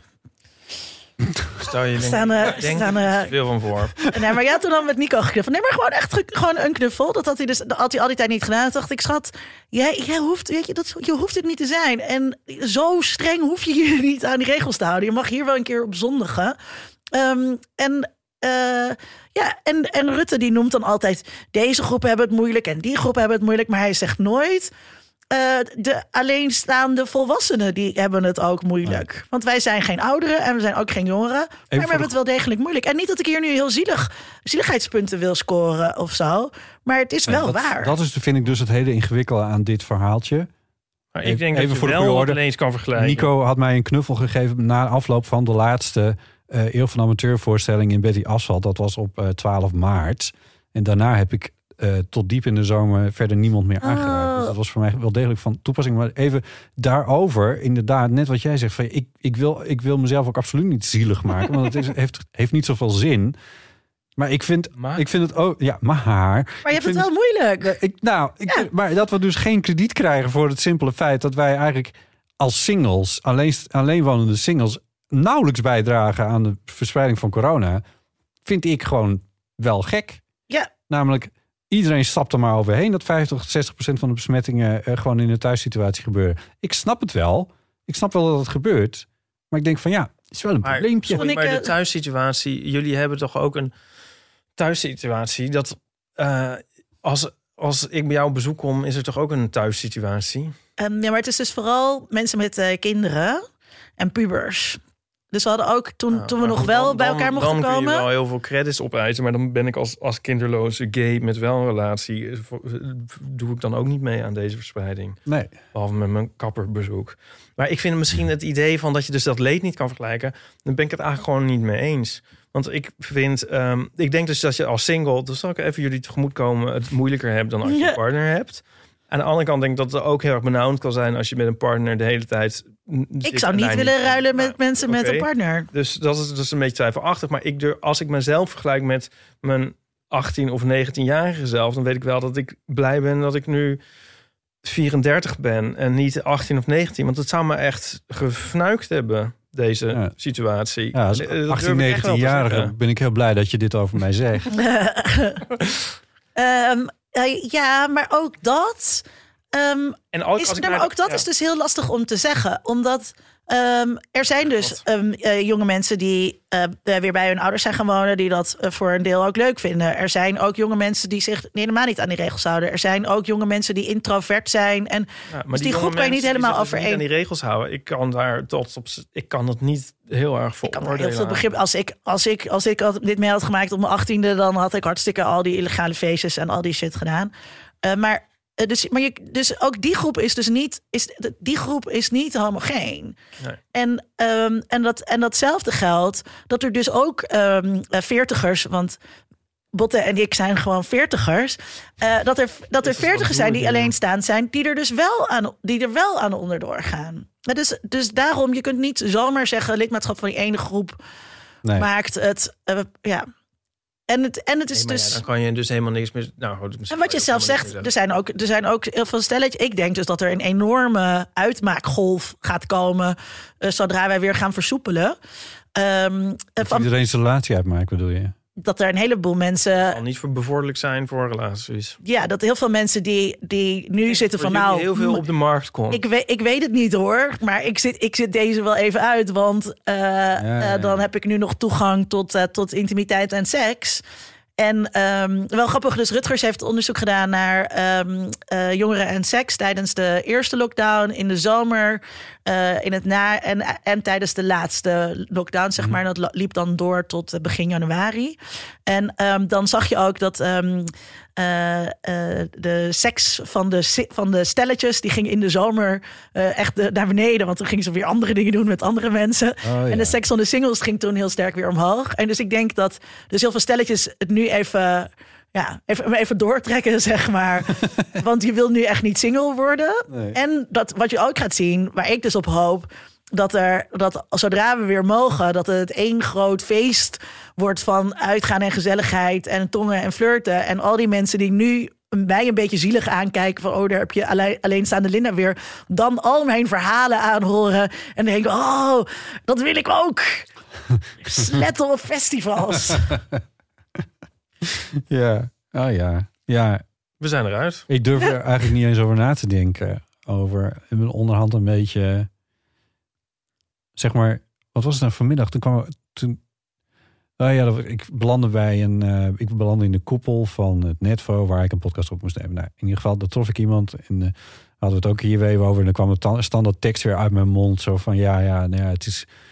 Het is, het is nog wel even volhouden. En toen zei, toen zei zij tegen mij van ja, nou ja, eigenlijk zei ze gewoon van dat, was een, dat is een enorm cliché wat je daar zegt. Van dat even, dat is, wat is het even nog? We, al zo, we zeggen al zo lang dat het nog even is. ja Dan dacht ik, oh ja, je hebt ook eigenlijk gewoon hartstikke gelijk. Inderdaad, ja. ik heb me er gewoon op ingesteld dat het nog heel erg lang duurt ja. En voor mij is wel. Dus ik had dit, toen dinsdag ehm, eh, aangekondigd werd dat die rechtszaak eh, gewonnen was. En dat Ja. de avondklok per direct zou stoppen. Het voelde dus echt alsof, alsof ik wat beter kon ademen. Ja. Had je dat niet? Ja, ja, dat ja. gewoon dat er een soort ruimte, echt gewoon fysiek voelde ik dat. En ehm, Ik was ook heel boos op Rutte. Dat hij daarna in Grapperhaus ook trouwens. Dat hij daarna ging zeggen van nee, nee, en, toch klok, toch klok. en ehm, dus ik, ik hoop heel erg dat die, dat die avondklok, die knie die, die dus op mijn keel zit, blijkbaar dat die er heel snel afgehaald wordt. Ja. Maar voor de rest van de dingen denk ik, ja, dit gaat dus nog echt tot aan de zomer of zo duren. En ik heb me er al op ingesteld dat, dat er tot die tijd dat we in deze situatie zitten en dat er dus niks leuks is anders dan dat je langs mag komen bij de eeuw van amateur en dat je dus met die kleine dingetjes ehm, eh, moet doen. En dat ja, pas, pas als die vaccinaties eh, heel, heel hard op weg zijn, eh, of er misschien snel testen komen. Dus daar wordt nu wel mee geëxperimenteerd. Het is best wel grappig. Mijn kantoorgenoot die was. ehm, eh, had een inzamelingsactie voor een Amsterdamse club die ten onder dreigt te gaan. En die kregen dus allemaal ehm, eerst een sneltest. Wil je En zeggen welke, welke club dat was? ja, het heet, hoe heet het, W0, W138 of zo? Oh, in de, in de Warmoes. Ja. Ja. En ehm, eh, die kregen dus allemaal een sneltest. En toen was dus iedereen negatief. Mondkapjes af. En hij zei: Het was zo fantastisch. Het was net Ja. als vroeger. En dicht bij elkaar staan. En al die dingen. Dus daar heb ik ook nog wel hoop op. ehm, dat dat soort dingen mogelijk worden. Ja. En dat we dan weer wat meer. De Field Labs. mogen. De Field Labs. De Field Labs ook. Ja. En ze hadden heel veel geld opgehaald. Dat was ook, dat Oh was ja, ook een ja. mooi verhaal. Ik zit ondertussen half een beetje te fantaseren over als het straks een beetje beter weer is. Tenminste niet dat het, nou ja, goed, in ieder geval maar een beetje warmer is en weer, weer een beetje, ja, inderdaad. Ook gek in februari. Eh, maar eh, dat we weer een beetje buiten kunnen zijn. Je kan natuurlijk niet iets buiten organiseren met een groep. Dat mag buiten ook niet. Nee. Maar je zou wel eh, een eeuw van amateur event kunnen organiseren, wat gewoon plaatsvindt via een app. Ja, Clubhouse mag niet, maar ja, dat mag dan niet van, van de, de en dat is alleen voor eh, iPhones gebruikers op dit moment. Dat is, nou goed, anyway, het doet ook niet, maar via iets, een manier, zeg maar iets livestreams, Twitch of zo. En dan, eh, ja, een soort silent disco-achtige situatie. Maar als je silent disco doet, dan heb je alweer een organisatie. Maar nu zou het gewoon allemaal virtueel moeten gebeuren. Ja. Maar dat, we- dat het wel gebeurt. En dat je wel met z'n allen bij elkaar bent. Maar dat, dat er, zeg maar, dat de autoriteiten, de Ja. autoriteiten, die kunnen niet zien wie erbij hoort en wie er, wie er wel en Ze niet bij gaan hoort. koffie drinken op het museumplein. Oké, bedankt dat je het in die hoek hebt In gesleept. de eerste versoepeling hadden wij nog die eh, hele Vondel CS eh, toestand. Ja. Dat was leuk. Het was bijna alsof het normaal Wat, was. wat, wat dan? Toen hadden we eh podcast Podcast officieel in de Vondel CS. Ja, Dus in de zomer. En eh dat, was, dat dat heel erg de contouren van Maar heb je een niet normale tijd. Als je nu terugdenkt aan de zomer, dat je denkt, wat mochten we veel. zijn Wat- mensen met vliegvakantie naar Spanje gegaan. Ja, En helemaal gaan kamperen in Duitsland en Italië. Ja, ja. ik ben Dat- twee keer naar Frankrijk geweest. Ja. Chris Ja, Bron en am- ook eentje met een groep. En, ehm. Ja. Ja, eh, maar dus, dus, dat, ja, dus dat, dat komt wel weer. Maar ehm, ik, ja, ik denk dat... Maar je hebt nu toch ook, je had toch zo'n ehm, gast op de Van Wouwstraat... die dan eh, die dus de speaker in het raam zette... en, eh, Ja. en mensen op straat gingen dansen. Dat vind ik ook heel leuk. En Ja. dat was ook ongeorganiseerd en coronaproof. Veel op het ijs van vorige week. Precies. Was het tamelijk coronaproof. Ja, dat, dat, er, er zijn natuurlijk wel dingen die kunnen. Ja. Ehm, Ja, maar je mag niks organiseren. Dat Nee. is het. Als je het organiseert, ben je het bokje. Ik word ook zo moe van de opstelling van... ja, alsof de wens er helemaal niet is bij de, bij de regering... dat het ooit weer zou gebeuren. Nu denk ik dan weer aan feesten en festivals en dingen. Ja. En ook zo van, ja, het gevaar is dat als straks dan mensen gevaccineerd zijn... dat ze, dan, eh, dat ze zich dan niet meer aan de regels gaan houden. Ja, Dat is denkt, toch ja, de hele idee hallo, van dat is Dat is het vaccineren? hele idee. Oh man, ja, Ja. maar dat wordt Ja. wel gezegd. En eh, eh, daar word ik onderhand... daar zou ik dus als jongere ook echt helemaal Oh, krankzinnig... Over mensen die het worden. moeilijk hebben gesproken. Eh, een vriend van mij is manager van een club. Die zit dus al bijna een jaar thuis. De club is al eh, bijna een jaar dicht. En eh, het perspectief dat hen geboden wordt is... als corona helemaal weg is, helemaal, dan mogen jullie weer wat. Ja. Dat is, dat is Oh, geen ja. perspectief. En, dat, en Nee, dat, maar dat, dat vind ik hij echt heeft het ook heel- zwaar. Ja. Ja, nee, maar dat is toch triest? Waar- waarom is dat zo? De, Ja, dat is een goede je, vraag. je hoort nooit een soort urgentie van zodra dat enigszins kan, gaan we dat weer doen. En daar is het op Nou ja, en dat, maar dat, dat komt dus bij de frustratie die Botte en ik eh, hebben, is dat, dat dit kabinet bepaalde groepen bestaan gewoon niet. Dus Botte en ik bestaan niet, maar ook het nachtleven als sector bestaat gewoon niet. Dus ehm, eh, er zijn vertegenwoordigers ook naar de Kamer gegaan om met Kamerleden te praten van hoe moet het nou verder. En er komt gewoon niemand opdraven. Dat, Nee, dat, maar is, dat versta ik dus ook wel eigenlijk onder als uh, Halsema het over jongeren heeft. Die schaak ook. Ik, Oh, dat moet even gezegd worden. Eh, eh, Femke Halsema is heel betrokken bij het nachtleven eh, in Amsterdam. En eh, zit ook in een groep, ehm, ehm, Amsterdam City Collective... eh, waar ook gekeken wordt. En zij leeft hier wel degelijk mee mee. Achter de schermen. Niet voor de bühne. Wow. Achter de schermen. Shout-out naar Femke. Eh, maar dat, nog gezellig. maar dus, dus het wordt gewoon net gedaan alsof die sector niet bestaat. En dat vind ik dus ook raar bij eh, de verkiezingen die eraan komen. Dat, je- dat je dus. eh, ik vind het sowieso gek. Eh, ik vond het heel jammer dat het dus die vira- viruswappies moesten zijn die die rechtszaak hadden aangespannen. Dat dat ook een, een, een normale burgerrechtenorganisatie eigenlijk moeten doen. Ja. En dat je dus ook van, de, eh, van aan de linkerkant eh, zit iedereen heel erg op solidariteit en containment. En wordt er dus ook helemaal niks ook al in onze bekritiseerd. aflevering Mordicus. Dat oh, je wordt regelrecht de armen van de viruswaanzinnige ingedreven. Ja.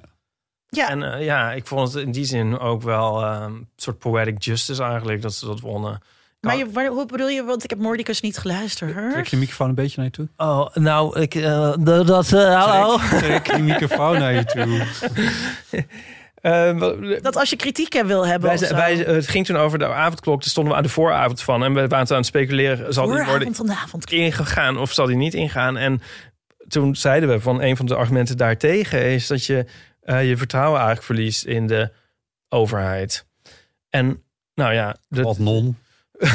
dat, dat is natuurlijk. eh, hè, kijk, alles wat wij zeggen, dat wordt altijd bewaard. Het komt altijd uit. Ja, maar live imitates Eel van maar dit is wel heel erg uitgekomen. Ja. Ja, en daarom vond ik het eigenlijk wel grappig dat de zij het waren die dat wonnen. En ik vond het ook weer een heel lullige, nare kunstgreep. Inderdaad, om hem dan meteen maar weer wel in te stellen. Maar Dat dus was ook- zo raar. Die, hoe, Ja. dat, hoe dat liep die dag met die rechts. Ja, dat, ging is- heel gek. Er Heel stond gek. zelfs een reconstructie in de Volkskrant eh gisteren. Zelfs daar dacht ik nog, want die was, die was dan kritisch. En toen dacht ik, jullie zijn nog steeds niet kritisch genoeg. Dit is gewoon echt een heel gek verhaal. Ja, Eh, maar goed, daar, daar zouden we eigenlijk met een, een strafrechtadvocaat een keertje over moeten praten. staatsrecht is dat volgens Ja, dat staat zegt, maar goed, die weet, die weet Die kennen Maar- in ieder geval meer van dan Niet ik. onze-. Die zijn niet zo sexy. Maar ehm, wat, ik, wat ik dus ook vond was. ehm, ja, ik, ik ben dus heel uitgesproken tegen die avondklok.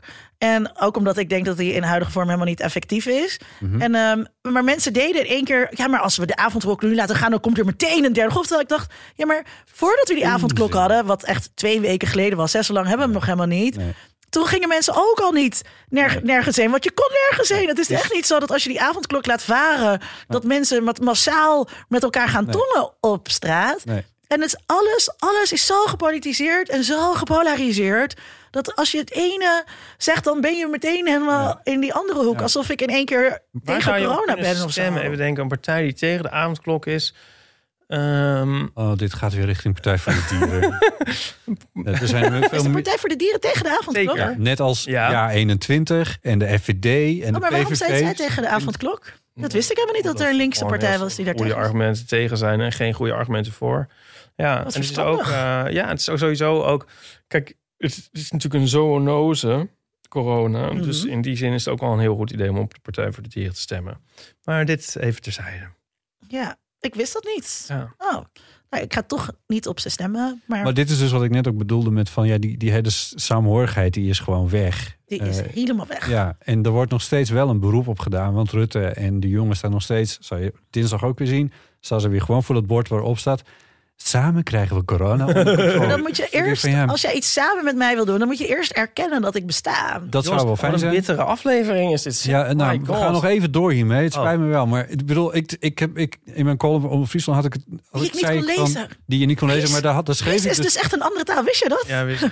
daar schreef ik dus in van tussen, tussen samen en krijgen we corona onder controle, staat een vermenigvuldigingsteken. Als het een van die twee nul is, dan gebeurt er helemaal niks. En samen is nu gewoon echt helemaal nul. Ja. Ik vind het echt. eh Wow, ik, Jonica ja, Smeets in de house. Diep. Heel Ja, dat heb je goed verzonnen. Dank je. Maar ik vind dus ook wel weer. eh, ik, ik, ik, ik, ik, ik heb een optimistische inborst. En als, dat, als die dus even niet werkt of zo, dan ga ik, alles, ga ik aan alle knopjes draaien om hem weer te laten werken. En eh, dat had ik ook. Ik zat dus even stuk weer. En toen had ik een column geschreven, eh, jaloers op mijn oude ik. En toen dacht ik, ehm, ja, ik ben eigenlijk helemaal niet jaloers op mijn oude ik. Ik ben gewoon nu bang in deze tijd voor eenzaamheid en ellende. Ehm, maar toen, ik, dat toen die avondklok aangekondigd werd, toen ben ik namelijk helemaal ingestort en echt een enorme huilbui gekregen. En eh, dat ook tegen iedereen gezegd. En toen kreeg ik allemaal hele lieve berichtjes van iedereen. En iedereen ging me helemaal helpen. En je doet het dus wel samen, want je bent helemaal niet alleen. En er zijn allemaal hele leuke mensen die met je eh, dingen willen doen of die je een hart onder de riem binden. En bij mij helpt dat dus heel erg. Ja, maar- Ook als, als maar- mensen op Twitter dan een DM sturen en zo en zeggen: hey, hou je taai, dat helpt. En toen dacht ik, ja, Nee, oké, ja, zo komen we er dus wel samen Ja, doorheen. Ja, die samen bestaat wel, maar Mark en Hugo doen niet mee met jou samen. Die, eh, Nee. Nee, Nee, en dat vind ik, dat vind ik heel kut. nee Vert ook niet. Die, heeft, die, heeft, eh, die, heeft zijn eigen samen. Ja, Ja. wou ik sowieso weinig dingen samen met Ja. Vert doen. Zullen we nog even naar iets vrolijks? Ja, dat is goed. Niet dat ik iets Maar dit was toch een positieve noot? Oh ja, dat is waar. Nee, dat is ook zo. Ja. Ja, dat was ik even vergeten. Ja, dus heel is ook veel, alsof heel veel, inkt aan heel het veel- drinken ben. Zeg Wat? niet te drinken, deze Oh, wijn. ja, zo, mm. Maar dus heel veel hartjes aan alle beetje? luisteraars die ook stuk zitten. Oh ja, ja. Maar goed, die hebben de heel, hè? Nou, dat helpt denk ik dus ook, ja. Deze aflevering van de Eeuw van Amateur wordt gesponsord door HelloFresh. HelloFresh gaat dit jaar fris van start en wil jou helpen met een nieuwe kookroutine. Met betere eetgewoonten en verse inspiratie voor in de keuken. Met een wisselend weekmenu van meer dan 20 recepten, van vis, vlees of vega, is er geen dag meer hetzelfde. Alles wat je nodig hebt ontvang je in precies de juiste hoeveelheden. En zo kook je en supervers en verspil je niks. Met de receptkaarten van HelloFresh zit je in vier tot zes eenvoudige stappen een maaltijd op tafel. Ipe, jij hebt weer gekookt. Ja, een parelgerst risotto Een met wat? geroosterde pompoen. Was dit, zo- wacht even, want de, de vorige keer had je ook een risotto, ja, maar dat, was eigenlijk... een uh, orrisotto. Ja. Dit is dus eigenlijk een parelgerstotto. en, en de, See what I dus, did there? nee, want is dit dan een met risotto, rijst? niet met rijst, maar met parelgerst. Oh, pa- Oké, ik ken dat niet. verwarren met parelhoen. Ja, nee, Nou, parelgerst is een soort gerst. ja. En die kun je dus ook gebruiken in een risotto-achtige situatie. Oké, ik merk hoe HelloFresh probeert te voorkomen dat je rijst gaat gebruiken voor risotto. ja. Ehm, en ehm, dit, was, ja, dit was met gerechtje wel. Een bereidingstijd van eh, 50 minuten. dat is is een van de langere dus. Ja, dat is Ja. wel een van de langere. Dus je kan wel ondertussen kun je wel een slok uit de sherryfles nemen. en ehm, ik moet zeggen dat het ook echt weer heel erg lekker was, deze. En het, het, het leukste eraan vond ik de, ehm, ehm, de krokante salie. Er zaten salieblaadjes bij. En de helft die versneed je en gingen door de parelgerst. En de andere helft die bakte je apart. En ja, er stond dus, ik geloof het eigenlijk gewoon niet... eh, bak de overige salieblaadjes in drie tot vier minuten krokant. En ik dacht, krokant? Hoe dan? Maar dat gebeurt. en ehm, dat is echt super lekker. Oh. Ja, maar het, eenmaal was het in balans met rode ui en eh, een beetje pecorino. Lekker. Mooi. Wil je ook graag HelloFresh uitproberen? Met de code HelloEeuw krijg je in totaal 45 euro korting over je eerste drie maaltijdboxen. Op de eerste meteen 25 euro en daarna nog twee keer 10 euro. En zo kan je voordelig proberen of HelloFresh ook iets voor jou is. Kijk snel op hellofresh.nl. Door met de podcast. We hebben wel wat, we hebben wat post eh, gekregen. Ik ga die briefjes even aan je. Ik heb het sorry, weer enkelvoud Post. Wat brengt vandaag de post? En het was toch aan jou Post. gericht, dus dan mag jij het ook gewoon even Brengt voor vandaag de post. deze. Er zit er eigenlijk nog wat in mijn brievenbusje. Echt, Ipe is zo heteroseksueel deze aflevering. Ik word er echt bang van. Nee, dit was een citaat uit Ronflonflon met Jacques Plafond. Ehm, even kijken, er is eh, een eh, Hij is kaart zelf gekomen. agen, maar dat maakt niet uit. Ehm, Ja. Dag en nacht media ter attentie van Botte Jellema. Oh. Ik zal hem even openmaken. nee, nee, nee, nee, nee. Nee, die is voor mijzelf. it's your- Nee, nee, nee, nee, nee, nee. Dank u wel. All right. Mag je zien? Er Nee. is post gekomen van Jessie. Hi. Ipe. In jullie laatste aflevering naast de oudheid staat een kistje. Laat je weten dat je de showbizmoord aan het beluisteren was. Ehm, je ging niet op de luisterbeleving in, maar daar ben ik juist wel benieuwd naar. Ik ben zelf namelijk net de podcast Mathilde's Mysterie aan het luisteren van dezelfde makers. Wat mij betreft een tip. In één nacht heb ik alle afleveringen geluisterd. Zo gefascineerd was ik door het onderwerp Mathilde Willink, ex-vrouw van kunstenaar Karel Willink, haar leven en haar mysterieuze dood. En het deed me eraan denken dat mijn interesse in haar is opgewekt toen mijn vriend en ik Museum Moor in kasteel Ruurlo bezochten. Hier staan de extravagante jurken van Mathilde, gecreëerd door Fong Leng, tentoongesteld. Jij weet hier natuurlijk alles van. We hebben dit kasteel namelijk op jouw aanraden bezocht... toen je het museum als cultuurtip gaf in een aflevering van de eeuw. Alsnog dank ervoor. Zo zie je maar weer hoe het een leidt tot het ander. Dat zou ik graag weer zo'n prachtig museum bezoeken. Inderdaad. Ja. Goede podcastafleveringen bieden in elk geval wat troost. in deze tijden met een gemis aan fysieke cultuur. Dank voor je, voor je reactie en hartelijke tjus. Hoppakee. Dus wat ik v- vond van de showbizmoord is eigenlijk de vraag. Ja, Eh, daar waren we inderdaad niet aan toegekomen. Leuk. nee, ja, ik zit nu in een soort eh, moordcast vortex. Dus ik had de show Bismoord geluisterd en nu heb ik de moord op Patrick geluisterd. Oh ja. En dan ben ik in één keer doorgegaan naar de Vlaamse kasteelmoord. Oh, die moet ik nog luisteren. Was Sydney daar niet bij betrokken? Eh, oh, zover ben ik nog Ja, niet. ja, Ja, ja. Ja. Volgens mij was hij eh, ja, als, eh, Ja. in de verdediging eh, uiteraard. Niet Ja. als... eh, En ehm, niet als, nee, als niet als. Nee. Ja, ik vind dat heel leuk. Nou, tegelijk kijk ik dus op Videoland Baantje. Ik kijk alle afleveringen van Baantje op Videoland. Ja, mensen, het is zo'n aanrader. En ehm, er is Want? echt niks te doen, hè? ik ben een beetje verliefd op Serge-Henri Valken. Oh. Kok, Ruis. Oh. Uit In de Vlaamse Pot. Kok, meekomen. Oh, die is zo leuk. Hij is toch van In de Vlaamse Ja, Pot? ja, ja, ja.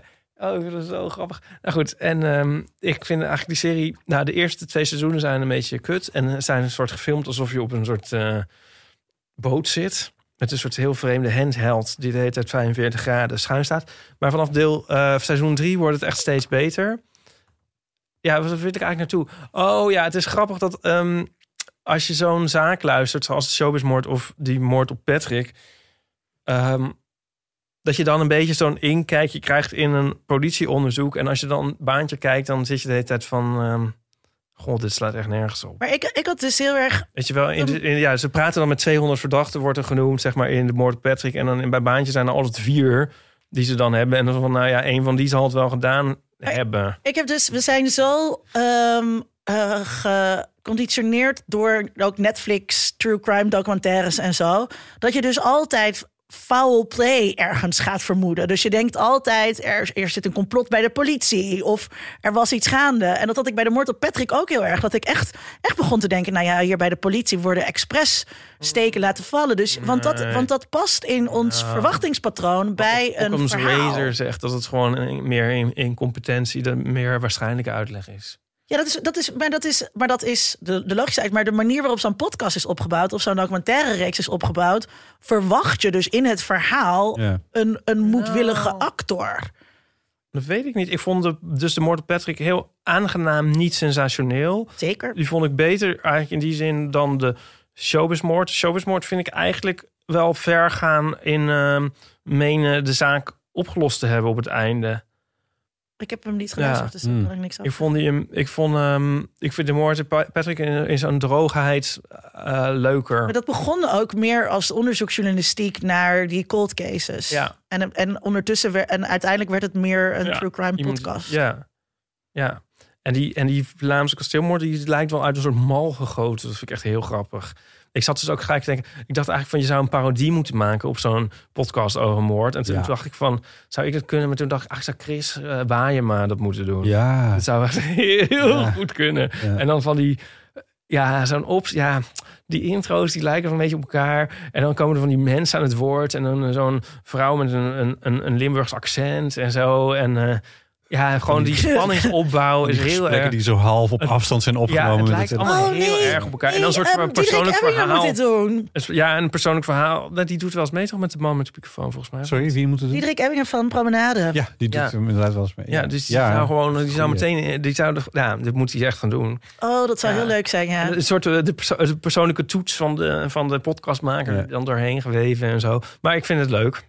Dat is het eigenlijk het Ja. korte antwoord. Aanrader. Ze hoeven er niet eens bij te vertellen dat het niet echt is gebeurd. Dat maakt de gemiddelde luisteraar toch echt niet uit. Ik heb nog eentje. Een brief bedoel je, ja. Ja, van Rosa. In de vorige aflevering van de Eeuw van de Amateur... eh, is aan mij ook gericht. Was je benieuwd of mensen tjus ook buiten de Eeuw van de Amateur gebruiken? Ik deed dat laatst. Ik had een brief aan mijn moeder geschreven... en sloot die af met tjus. Toen ik haar later nog vroeg... weet je wel wat die tjus is? Toen zei ze... Jazeker, dat is toch van de Eeuw van de Amateur? It's catching on! Tjus van Rosa. Dit Maar wonen deze heel- mensen bij elkaar in huis? Een heel kazige reclame kunnen zijn voor iets. Weet je eigenlijk wel waar dit vandaan komt? Ja.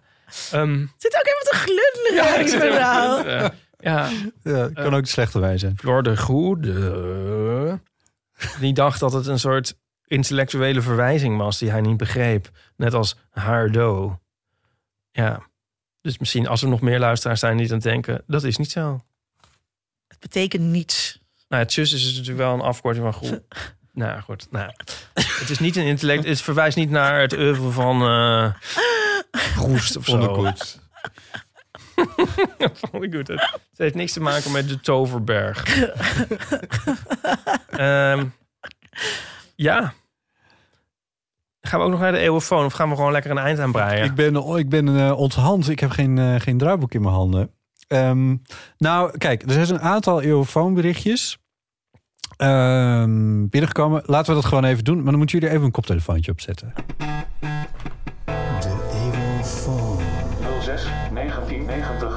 1990 68 71. Er is bijvoorbeeld een berichtje binnengekomen van ehm, Iris. En dat gaat over eh, iemand niet kunnen verstaan. Dat is in de Eeuw van de Amateur ook eventjes aan bod gekomen. Een paar afleveringen eh, geleden. Ehm, volgens mij die met Paulien zelfs nog. Nou ja, laten we even luisteren naar wat Iris daarover heeft te vertellen. Hoi Botte en Ipe, dit is Iris. Ehm, ik belde in omdat jullie het in de afgelopen aflevering hadden over ehm, mensen niet verstaan.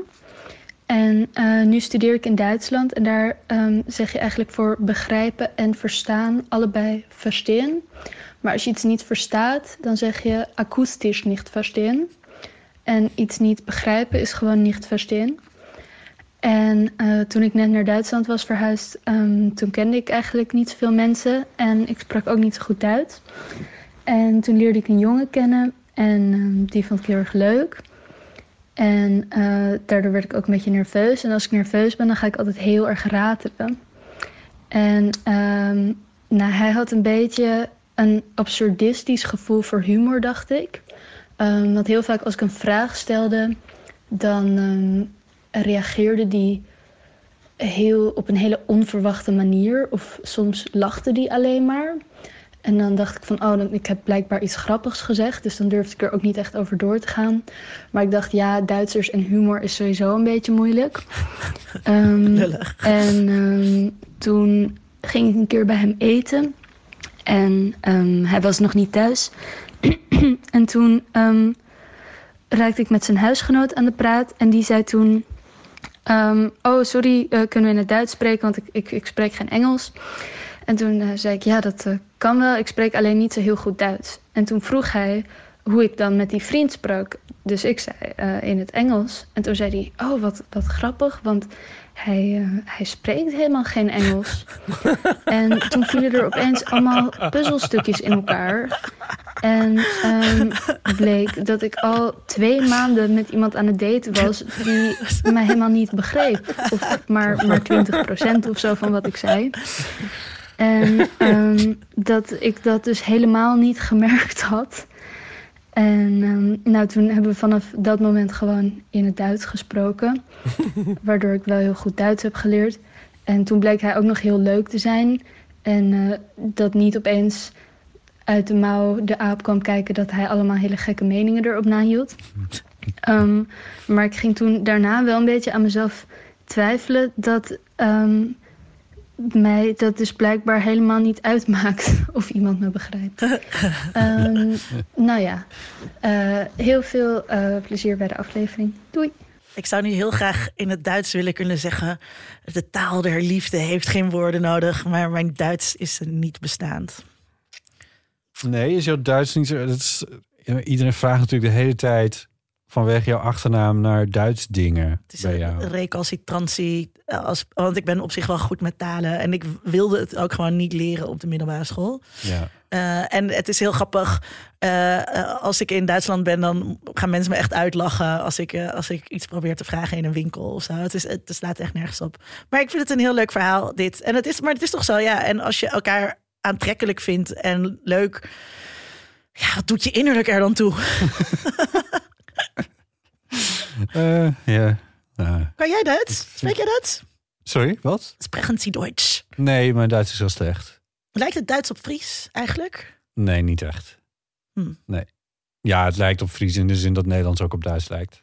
Oké. Ja. Ja. Nee, het Fries heeft meer verbindingen met het Engels dan met, dan met het Duits. Echt? Ja. Ja, bijvoorbeeld eh, eh, kaas is in het Duits kezen. En in het Engels is het cheese. En in het Fries is het cheese. Joh, Ja, dus dat is zo'n zo'n voorbeeld. wat interessant. Ehm, we hebben nog een berichtje binnengekregen eh, over een eh, onderwerp wat ons vrolijk achtervolgt. Wat ik heel blij, vrolijk voor word, is eh, de awkward mini coming out. My favorite. Het is een berichtje van Aaron. Hallo lieve Botte en Ipe, dit is Aaron hier. Ehm, ik weet niet of de rubriek nog bestaat, maar ik had nog een goed verhaal voor de Awkward Mini Coming Out. Eh, het is wel een beetje een oude, het was aan het begin van de coronacrisis. Eh, maar hier in Amsterdam zat ik ehm, eh, met mijn vriend en onze dochter bij een tentje en het was buiten. En het was corona en je had al die regels dat je eh maar met één huishouden bij elkaar mocht zijn. Nou, je voelt hem al aankomen. Wij zaten dus gezellig met z'n drieën bij elkaar een theetje te drinken. En toen kwam de eigenaar van de tent eraan. eh jullie moeten uit elkaar, want eh, het mag maar eh, één huishouden per, ehm, één gezinslid per huishouden zijn. En toen moesten wij dus zeggen, ja, maar wij zijn één huishouden. En toen keek hij heel moeilijk en hij begreep het niet. En toen zo vijf seconden daarna viel het kwartje. En toen vroeg hij toch nog, oh ja, maar willen jullie toch uit elkaar gaan zitten? Want ik, er kan zo een boete komen. Stom, hè? Nou, dat was mijn eh, awkward mini coming out. Jezus. Doei! Doei, Oh. Aaron. Ja, maar wel dus niet accepteren dat zij één huishouden. Kennelijk niet. Waarom? Omdat ik dacht, de handhavers die zijn net zo homofoob als ik. Ja, dit is wel weer even een soort van wake-up call. Die ik zo af en toe heus wel heb. Maar dat eh, in onze vrolijke ehm kennissenkringetje hier met heel veel regenboogjes. En andere vormen en kleuren van vlaggen. eh, dat er nog steeds een soort van buitenwereld is. Die, eh, die echt absoluut niet inclusief is. Dus ik vind, dit echt, ik vind het eigenlijk al een soort schrijnende awkward mini coming out. Nou, ik denk dat het, dat het heel goed eh, illustreert wat die awkward meaning coming out doet en waarom Ja. het zo belangrijk is. En wat jij nu ook weer zegt, omdat het dus, dit is dus zo'n klein speldenprikje. Ja. Wat je dan dus voelt. En het is niet zeg maar eh, dat, je, dat, dat, dat je hier een roman over moet schrijven over hoe het deze ene ervaring was. Maar het is de optelsom van dit soort ervaringen. En dus ook nu voor jou zie ik als jij dit verhaal hoort. Ja, eh, dan, dan je wordt dus gewoon even pijn gedaan. Ja, dankjewel Linda. Had jij niet ook, Ipe, dat, dat toen eh die corona net begon... dat je expres met eh, Nico hand in hand ging lopen... om te laten zien dat jullie een stel waren... en niet zomaar twee mannen op straat? Was jij dat? Nee. Even mijn kop er even af. Nee, in het begin eh wanen we ons heel erg on, ehm, omdat mensen niet in je buurt durfden te komen. Dus ik was zeg maar niet meer bang om in elkaar geslagen te worden. Oh, Oh, ja. Oké. Dus daarom durfde ik meer hand in hand te lopen. Oh, maar dat is ook heel... Dat is, ik, denk, ik, weet niet, ik weet niet of dat goed is, wat ik hiervan vind. Hm. Maar eh, Ja, dit is, dit is echt een, eh, ja, dat is er weer vanaf. Nu lopen we nooit meer buiten. een cluster. Oh, Het is heel grappig. Als je de koptelefoon op hebt, dan hoor je opeens botten zo helemaal zo'n radiostem hebben. Dat heeft ook een radiostem. Maar als hij gewoon iets zegt, dan heb ik het veel minder. Dus zodra je die Ja, koptelefoon dat- opdoet, dan denk je helemaal van wow. dat is, je kan ook. Kijk, als ik dus even een beetje ga spelen met deze microfoon en mijn stem. dan nee, maar doe eens, doe eens niet. veel. Doe eens gewoon normaal. Nou, dat is dit ongeveer. Nee, maar ja, als je wat dat is eh, kijk. Door het filter van de microfoon klinkt hij echt onwijs veel radioriger Ja, dan er, normaal. zit, er zitten op deze microfoon, ze zitten nogmaals in de studio van Dag en Nacht Media, zit op deze microfoon zit ook, ook. zit ook processing. heb ik dat Jij zelf kan- ook. Ja, Ja, maar ik heb dat zelf je- niet. Jawel, dat heb je wel. Ik hoor dat niet. Nee, omdat jij te- op te veel afstand zit van Oh, deze microfoon. Als je er nou heel dicht Als ik bovenop. nou zo dicht bovenop zit, heb ik dan wel... Oh ja, misschien wel iets meer. Ga even diep met je stem. Ja, Kijk, voel je hem nu? Even kijken. Doe even alsof je een mannelijke surfer nu? bent. Je kan er nog Eh. rechter inspreken. Ja, even denken hoor. Ja, het zit er bij jou ik gewoon weet niet het op. Nee, ik weet het niet. Nee. ik Wie alleen er maar allemaal in deze een oude microfoon man. gepraat ook? Ja, Toch? Wie heeft er allemaal aangezeten? dat is een goede vraag. Fout. Goed. ehm, weet je wat? Eh, ik heb nog een eh, berichtje, een jatberichtje, maar die bewaar, bewaar ik even tot de volgende keer. Ja, leuk. Op de koptelefoon? Eh, nee, die bewaar ik voor de volgende We keer. hebben die nieuwe vrienden van de show niet voorgelezen. Eh, nee, dat komt zo meteen nog. Oh. Ik geef nu weer een deel van mijn draaiboek aan jou. Het begint Oh, erg uit te dunnen hier. Ehm, en Ik ga de recensies voorlezen. ja, we hebben, we hebben wat Apple Podcast eh, recensies. Maar er is bijzonder, iets bijzonders mee aan de hand. Dat is namelijk dat ik een mailtje kreeg van iemand die zei... ik woon in Vlaanderen, of in België in ieder geval. En in eh, België hebben wij een eigen Apple Podcast Store.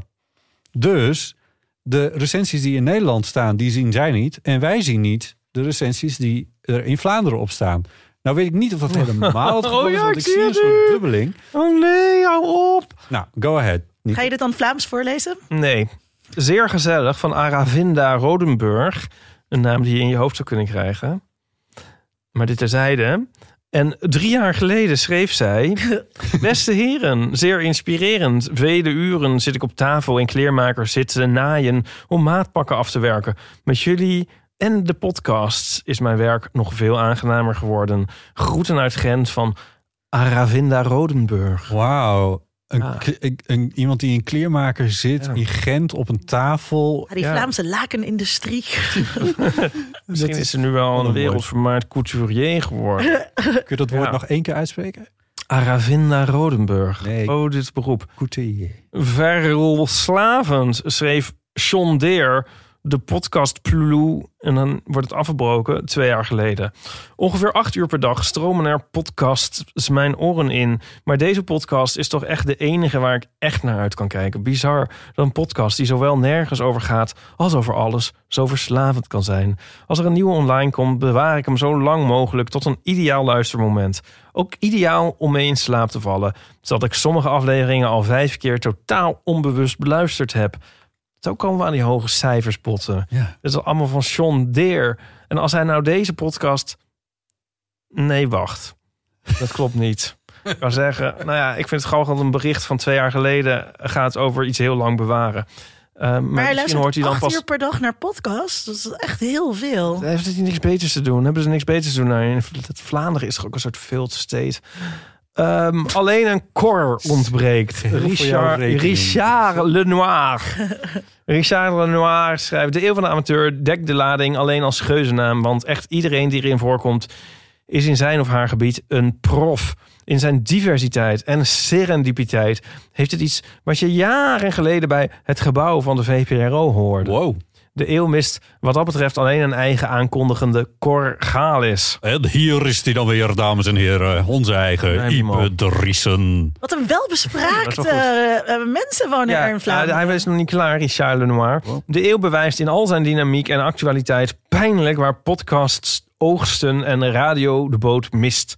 Heel erg benieuwd naar al wat er nog komen gaat. Nou, Hoe oud was deze recensie? deze is van eh, 1833. Curieus uh, jaartal dat je Ik ben zo bang dat al deze mensen al lang zijn afgehaakt. Of dood zijn. Nooit iets gewoon. Sorry, ja, nou, Ja. 1833. Nou, ik had zo'n leuke recensie en altijd re- deze recensies vormen nooit die van mij. Wat zijn het eigenlijk arrogante klootzakken? Of wat het Dat ze Vlaamse woord daar maar van nog is. hebben, hebben, hebben liggen luisteren en maar te wachten. Ja, nou hebben we er nog eentje, die is dan wel recent. Oh nee. ik, ja, ik zie 19 maart 2020. Dan denk ik, oh, dat is pas. Dan denk ik, nee, het is nog geen Het is ook eigenlijk... Maar het is ook geen 2020, maar dat vergeet ik steeds. Nou, anyway, Hm? 19 maart 2020, Nel Tak, die zegt hamsteren. Ik wou dat ik afleveringen kon hamsteren, maar dat kan niet. Dus begin ik weer bij het begin en beluister ik ze allemaal nog een keer. Groeten, Katelijne. Mooi. Dat is wel heel fanatiek. Ja, Om ze allemaal nog een keer te luisteren. Ja. Ja, dat, dat, Vind ik heftig. kijk, zien jullie die Funko Pops? ja. Weten, weet je, weten jullie van wie er ook Funko Pops zijn Is dat, gemaakt? is, dat die, is die ene Daenerys en die andere Jon Snow? Dan wil ik afwezen. Maar we- weten jullie van wie er ook Die Funko ene Pops is- zijn gemaakt? Nico en die andere is Floor de Goede. Dat zie ik. Ja. dat is zo. Het zijn Nico en Floor. Maar weten jullie van wie er ook Funko Pop zijn gemaakt? Nee. ik, weet, ik wist eigenlijk niet dus dat ze zo heten, maar ga verder. Van Dan. de... Als je nu in je bed rustig ligt, rustig ligt, nu niet meer rustig. Team Himmel. Pet Shop Boys. Daar zijn ook Funko Pops van. Nou, Ja, Nou, dat wij dat niet geraden hebben, Botte, vind ik eigenlijk wel heel is slecht van ons. Heel gek. Hè? Dat we Ja, niet er is maar één kant waar we op kon, die we op konden. Wat ik nou zo dat gek was die vind- kant. Wat ik nou zo gek vind, is dat ik die niet voor mijn verjaardag heb gekregen. Of voor Sinterklaas niet, voor kerst niet, voor Valentijnsdag niet. Ik zal nog even wachten met het uitmaken met Nico vanwege dus eh, die lockdown en zo. Hoe ik dat nou? Nou ja. Ja. Goed. Ben je een boek aan het schrijven eigenlijk, Linda, op dit moment? Eh, nee, want eh, ik, dat, ik, moet nog voor, ik moet nog voorteren op dit boek. Ja. Eindelijk weten wat seks is. Ja. Leuk boek om te kopen of cadeau te geven. Zeker in deze tijd. Zeker in deze tijd. Nou, het is dus ook een beetje. Ik weet ook niet. ehm, het gaat dus niet zo goed met de seks van mensen. Dus mensen hebben over de hele linie ehm, minder seks. En dus ik weet ook niet of het nou de beste tijd was om dit boek te lanceren. Ehm, ja. Hoezo? Je zou toch kunnen denken van... op basis van wat meer kennis... zou de seks in theorie beter kunnen worden. Nee, ik denk dat, dat de depressie waar iedereen mee zit niet bevorderlijk is Oh, voor, voor de, voor de lust. Ehm, maar misschien is dat, zegt dat ook wel iets over. Ik moet natuurlijk heel veel dingen over seks schrijven. En dat vind ik dan. Dan denk ik nu, ja, schrijf ik liever over mijn corona blues dan over. Ja. Dan, dus in ieder geval, mijn folia columns horen eigenlijk heel veel over seks te gaan. En daar heb ik heel weinig inspiratie voor. Dus als je een onderwerp hebt waarvan je denkt, nou, daar zou ik graag een column over willen lezen, laat het me dan weten. Maar ik ben dus nog niet met een nieuw... Lalalinder at twitter. Ja. Dinges. Weet ik veel hoe Ja. werkt dat? Maar dus ik ben niet met een nieuw boek bezig, maar ik was wel weer begonnen met bloggen. Elke dag um, dus een blogpostje schrijven. En dat vind ik dus heel leuk. Want dan komen er ook weer wat nieuwe onderwerpen um, mijn hoofd in. Ja. Uh, en dat vind ik heel leuk. Uh, en um, uh, Lindaduits.nl uh, Linda Duits. Nee, op uh, dieponderzoek is dat. Dieponderzoek.nl. Een blog over populaire cultuur is dat dus. Dat gaat allemaal over popcultuur. En, um, en dat is heel, heel, wel heel leuk wat, waar ik nu aan aan het werken was. Ik schrijf echt altijd voor de Nederlandse markt. En nu was ik uh, gevraagd uh, door The Conversation. Wat een Van The Guardian? Nee, oh. dat is, uh, de, The Conversation is een uh, internationale, weet, weet, ja, hoe zeg je dat? Een populaire wetenschapssite. Yeah. Um, en daar ben ik een stuk over de Britney Spears docu voor aan het schrijven. En dat moet morgen klaar zijn. Dus tegen de tijd dat deze podcast online komt, ja. moet dat denk ik al online staan. Oh, leuk. Ja, en dat, is, en dat was wel echt... Um, vanuit, wat ben je aan het doen allemaal, Ipe? Ja, ik, ik, ik, um, hoor, ik probeer die... Vanuit een, uh, uh, vanuit een mediawetenschappelijk perspectief naar die Britney-docu... waar natuurlijk heel veel mensen heel erg druk mee bezig ja, zijn geweest. Ivo Gate. Eindelijk internationale faam voor Ivo. Uh, ja, wat, wat best wel... Um, uh, dat staat dan niet in het stuk, maar dat vond ik wel. We kijken natuurlijk nu naar Britney Spears met de blik van nu. Dus na uh, Me Too. Ja. En uh, waardoor ook, uh, dus Ivonie is de overduidelijke creep, maar ook Justin Timberlake in één keer heel naar neergezet werd. Terwijl hij dat toen werd hij niet op die manier geframed. Nee. Dus dat vond ik ook wel interessant. Heb je die docu gezien? De Britney Spears. Nee, nee, Britney maar Spears. is hij al een beetje te kijken dan in Nederland? Hij is al uitgezonden op Net 5 zelfs deze week. Oeh, ja, dat heb ik niet. Uh, nee, dat heeft ook niemand meer. Maar je kan hem ook gewoon, uh, je kan hem ook gewoon op de interwebs kijken. Oh, oké. Okay. Ja. Maar, maar, maar dus dat is wat de moeite waard? Uh, nee. Oh, jezus, ja. Dat twijfel nou ja, ik dus al. Je, je kan beter mijn stuk lezen. Maar ik vind het dus wel leuk om wat meer... Wat meer uh, dus ik ben heel veel met die seks bezig geweest. Mag ik er iets over zeggen? Ja. Sorry, nee. Om dus wat meer mediawetenschappelijke dingen uh, te ja. schrijven. Vind ik leuk. Het gaat volgens mij helemaal niet zo goed met de documentaires. Oh.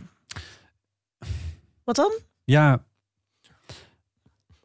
zo'n Britney Spears documentaire, dan denk ik ook dat is, dat is een lekker, lekker, lekker smeug ding sowieso al. Ja.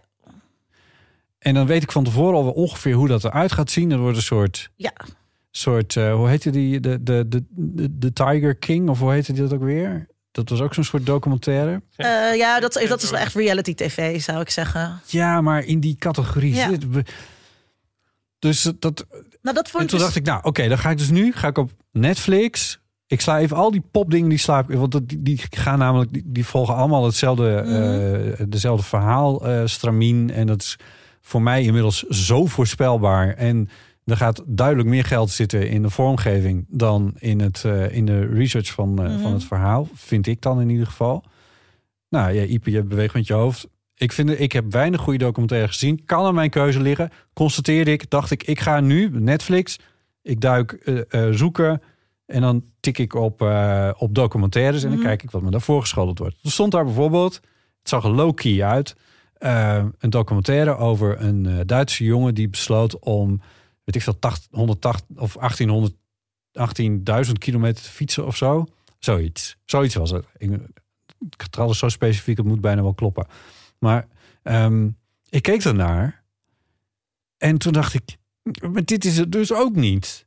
Dat was ineens weer zo knullig en met helemaal geen verhaallijn. Het is alsof iedereen vergeten is hoe je een documentaire eigenlijk Even over maken. die, over die Britney-docu. Die is dus gemaakt door de New York Times. Waar, waar, wat dus een soort journalistiek Ja. elan eh, eraan geeft. En ik heb heel veel Britney-docu's gezien. Omdat ik heel veel met Britney bezig ben geweest. Ook eh, tijdens mijn promotieonderzoek met meisjes. En dat was natuurlijk precies tijdens peak Britney Spears. En deze documentaire volgt exact hetzelfde stramien... als elke MTV-documentaire ooit. The Rise and Rise. En dan eh, is er een breakdown. Ja. Ja. Ehm, en echt, echt een sterrenmitten, wat ik ook in dat stuk schrijf voor de, voor de conversation. En ehm, er is dus helemaal niets onderscheidends aan, vanuit een journalistiek oogpunt, zeg maar, aan deze documentaire. Maar is, er- weet jij niet al te veel ervan? Voor, zeg maar. Nee, want dat is. Want, eh, nee, want het gaat gewoon het over, dat over wat Botte zei, over hoe zo'n documentaire hoe is opgebouwd. Ik, ik moet een beetje denken aan die Monica Lewinsky eh, documentaire over van bekijk die zaak nou eens vanuit haar oogpunt. Ja, maar dat doet dit dus allemaal niet. Dus dit Nou volgt ja, gewoon zo'n Zo klassiek komt het ding. wel in ieder geval nu in het nieuws. ehm, want des, hè, met Ivo en alle andere zaken. Maar goed, ik heb de documentaire niet gezien. Nee, Ivo is echt maar een heel klein stukje ook, ervan, ja. toch? Ik heb ook... Maar, Maar dus, en ik, maar, en ik, Ik denk dus ook. Moet je naar huis? Ehm, de, ik zal hem, ik zal hem eens afronden. Dat, eh, ik vind dus, dus Netflix zijn ook heel veel Amerikaanse documentaires. En die hebben niet de allerbeste documentaire traditie. Die hebben wij natuurlijk wel. Nederlands heel goed in documentaires maken. En ik weet niet of dat nu, omdat het ITWA bijvoorbeeld natuurlijk ook niet door kon gaan. Maar ik zou toch eerder dan, als je dan documentaires wil kijken, gewoon bij Tweedok Ja, ehm, op zoek gaan. Dan in je Netflix-bibliotheek. ja, eens. Ja, en ook over documentaires, wat ik dus heel kut vind aan documentaires, is dat eh, dat heeft ook te maken met al die filmfestivals waarvoor ze ingestuurd worden. Dan moeten ze dus feature-length zijn. En er is geen enkele reden waarom een documentaire anderhalf uur, Tom Britney documentaire anderhalf uur, of laatst keek ik iets over de clitoris, twee uur. Mensen, kinderen, dat is gewoon niet nodig. 45 minuten is prima. Eens. ja. ja, goed. Goeie tip. Tweedok. Sowieso een goede tip. Ja. Dat punt gemaakt hebbende, eh, dus gaan we jouw stukje gewoon lekker lezen op, eh, over die eh British Spears. Dat kan je denk ik beter doen dan de docu kijken. precies. Oké, Heel schaamteloos is dit. tot zover deel van de amateur. nee, niks. Ehm, Niks. we Oh, hebben een show notes wiki. Daar kun je als luisteraar een bijdrage leveren aan het Oh. archief van de Eeuw van de Amateur. Ga daarvoor naar eeuwvanamateur.nl. Je kan vriend van de show worden. Ga naar vriendvandeshow.nl slash eeuw. En er zijn drie nieuwe vrienden bijgekomen sinds de vorige opname. En dat zijn Thijs, Helene en Remco. Nou, wat gezellig. Dus fijn dat jullie toch nog nieuwe mensen in deze tijd. erbij zijn. Ehm, dilemma's, levenskwesties en verhalen kunnen naar de eeuwofoon. Die zijn er altijd op welkom. Het telefoonnummer daarvan is 06 1990. 68. 71. Je kan mailen naar botten.eeuwvanamateur.nl. En als je nog meer dingen wil schrijven over tjus... dan kun je mailen naar tjus.eeuwvanamateur.nl. Oh, sorry. ipe.eeuwvanamateur.nl. En doe dat nou, hè? En doe dat nou, hè. Eh, we zitten op Instagram. Vinden we heel erg leuk als je daar eh berichtjes stuurt. Als je langere berichten hebt, mail het dan even. Ehm, vond je deze aflevering leuk? Dan Ik vond deze delen. aflevering leuk. Ik vond deze aflevering ook heel leuk. Noten. En dan kun je hem dus delen met vrienden, familie of collega's of met wie je eigenlijk maar wil. En dat is voor de verspreiding van het woord en voor de Eeuw van de Amateur heel goed als je dat doet. Oh ja, of luister ook eens naar een van mijn andere podcasts. Dat kan Dat natuurlijk is het ook. moment waarop ik dit moet zeggen. Luister bijvoorbeeld eens een keer naar Geeky Dingen. Over Geeky Dingen. Of luister bijvoorbeeld naar Onder Media Doctoren. We hadden een hele leuke aflevering laatst over het Nederlands. De studie Nederlands met Mark van Oosterdorp. Super gezellige Oh, leuk, Mark. Ja. Eh, Waar zit dat, onze R op, eh, op de, van de eeuw van de amateur? Wat is onze ons, R? ons spreidingsgetal, ja, dat is inderdaad een goed, goede, goede vraag. Wel boven de 1? We, dat kunnen we misschien even. Wij merken altijd wel een We piek hoor. Als ons er... best doen om die R boven die 1 te houden.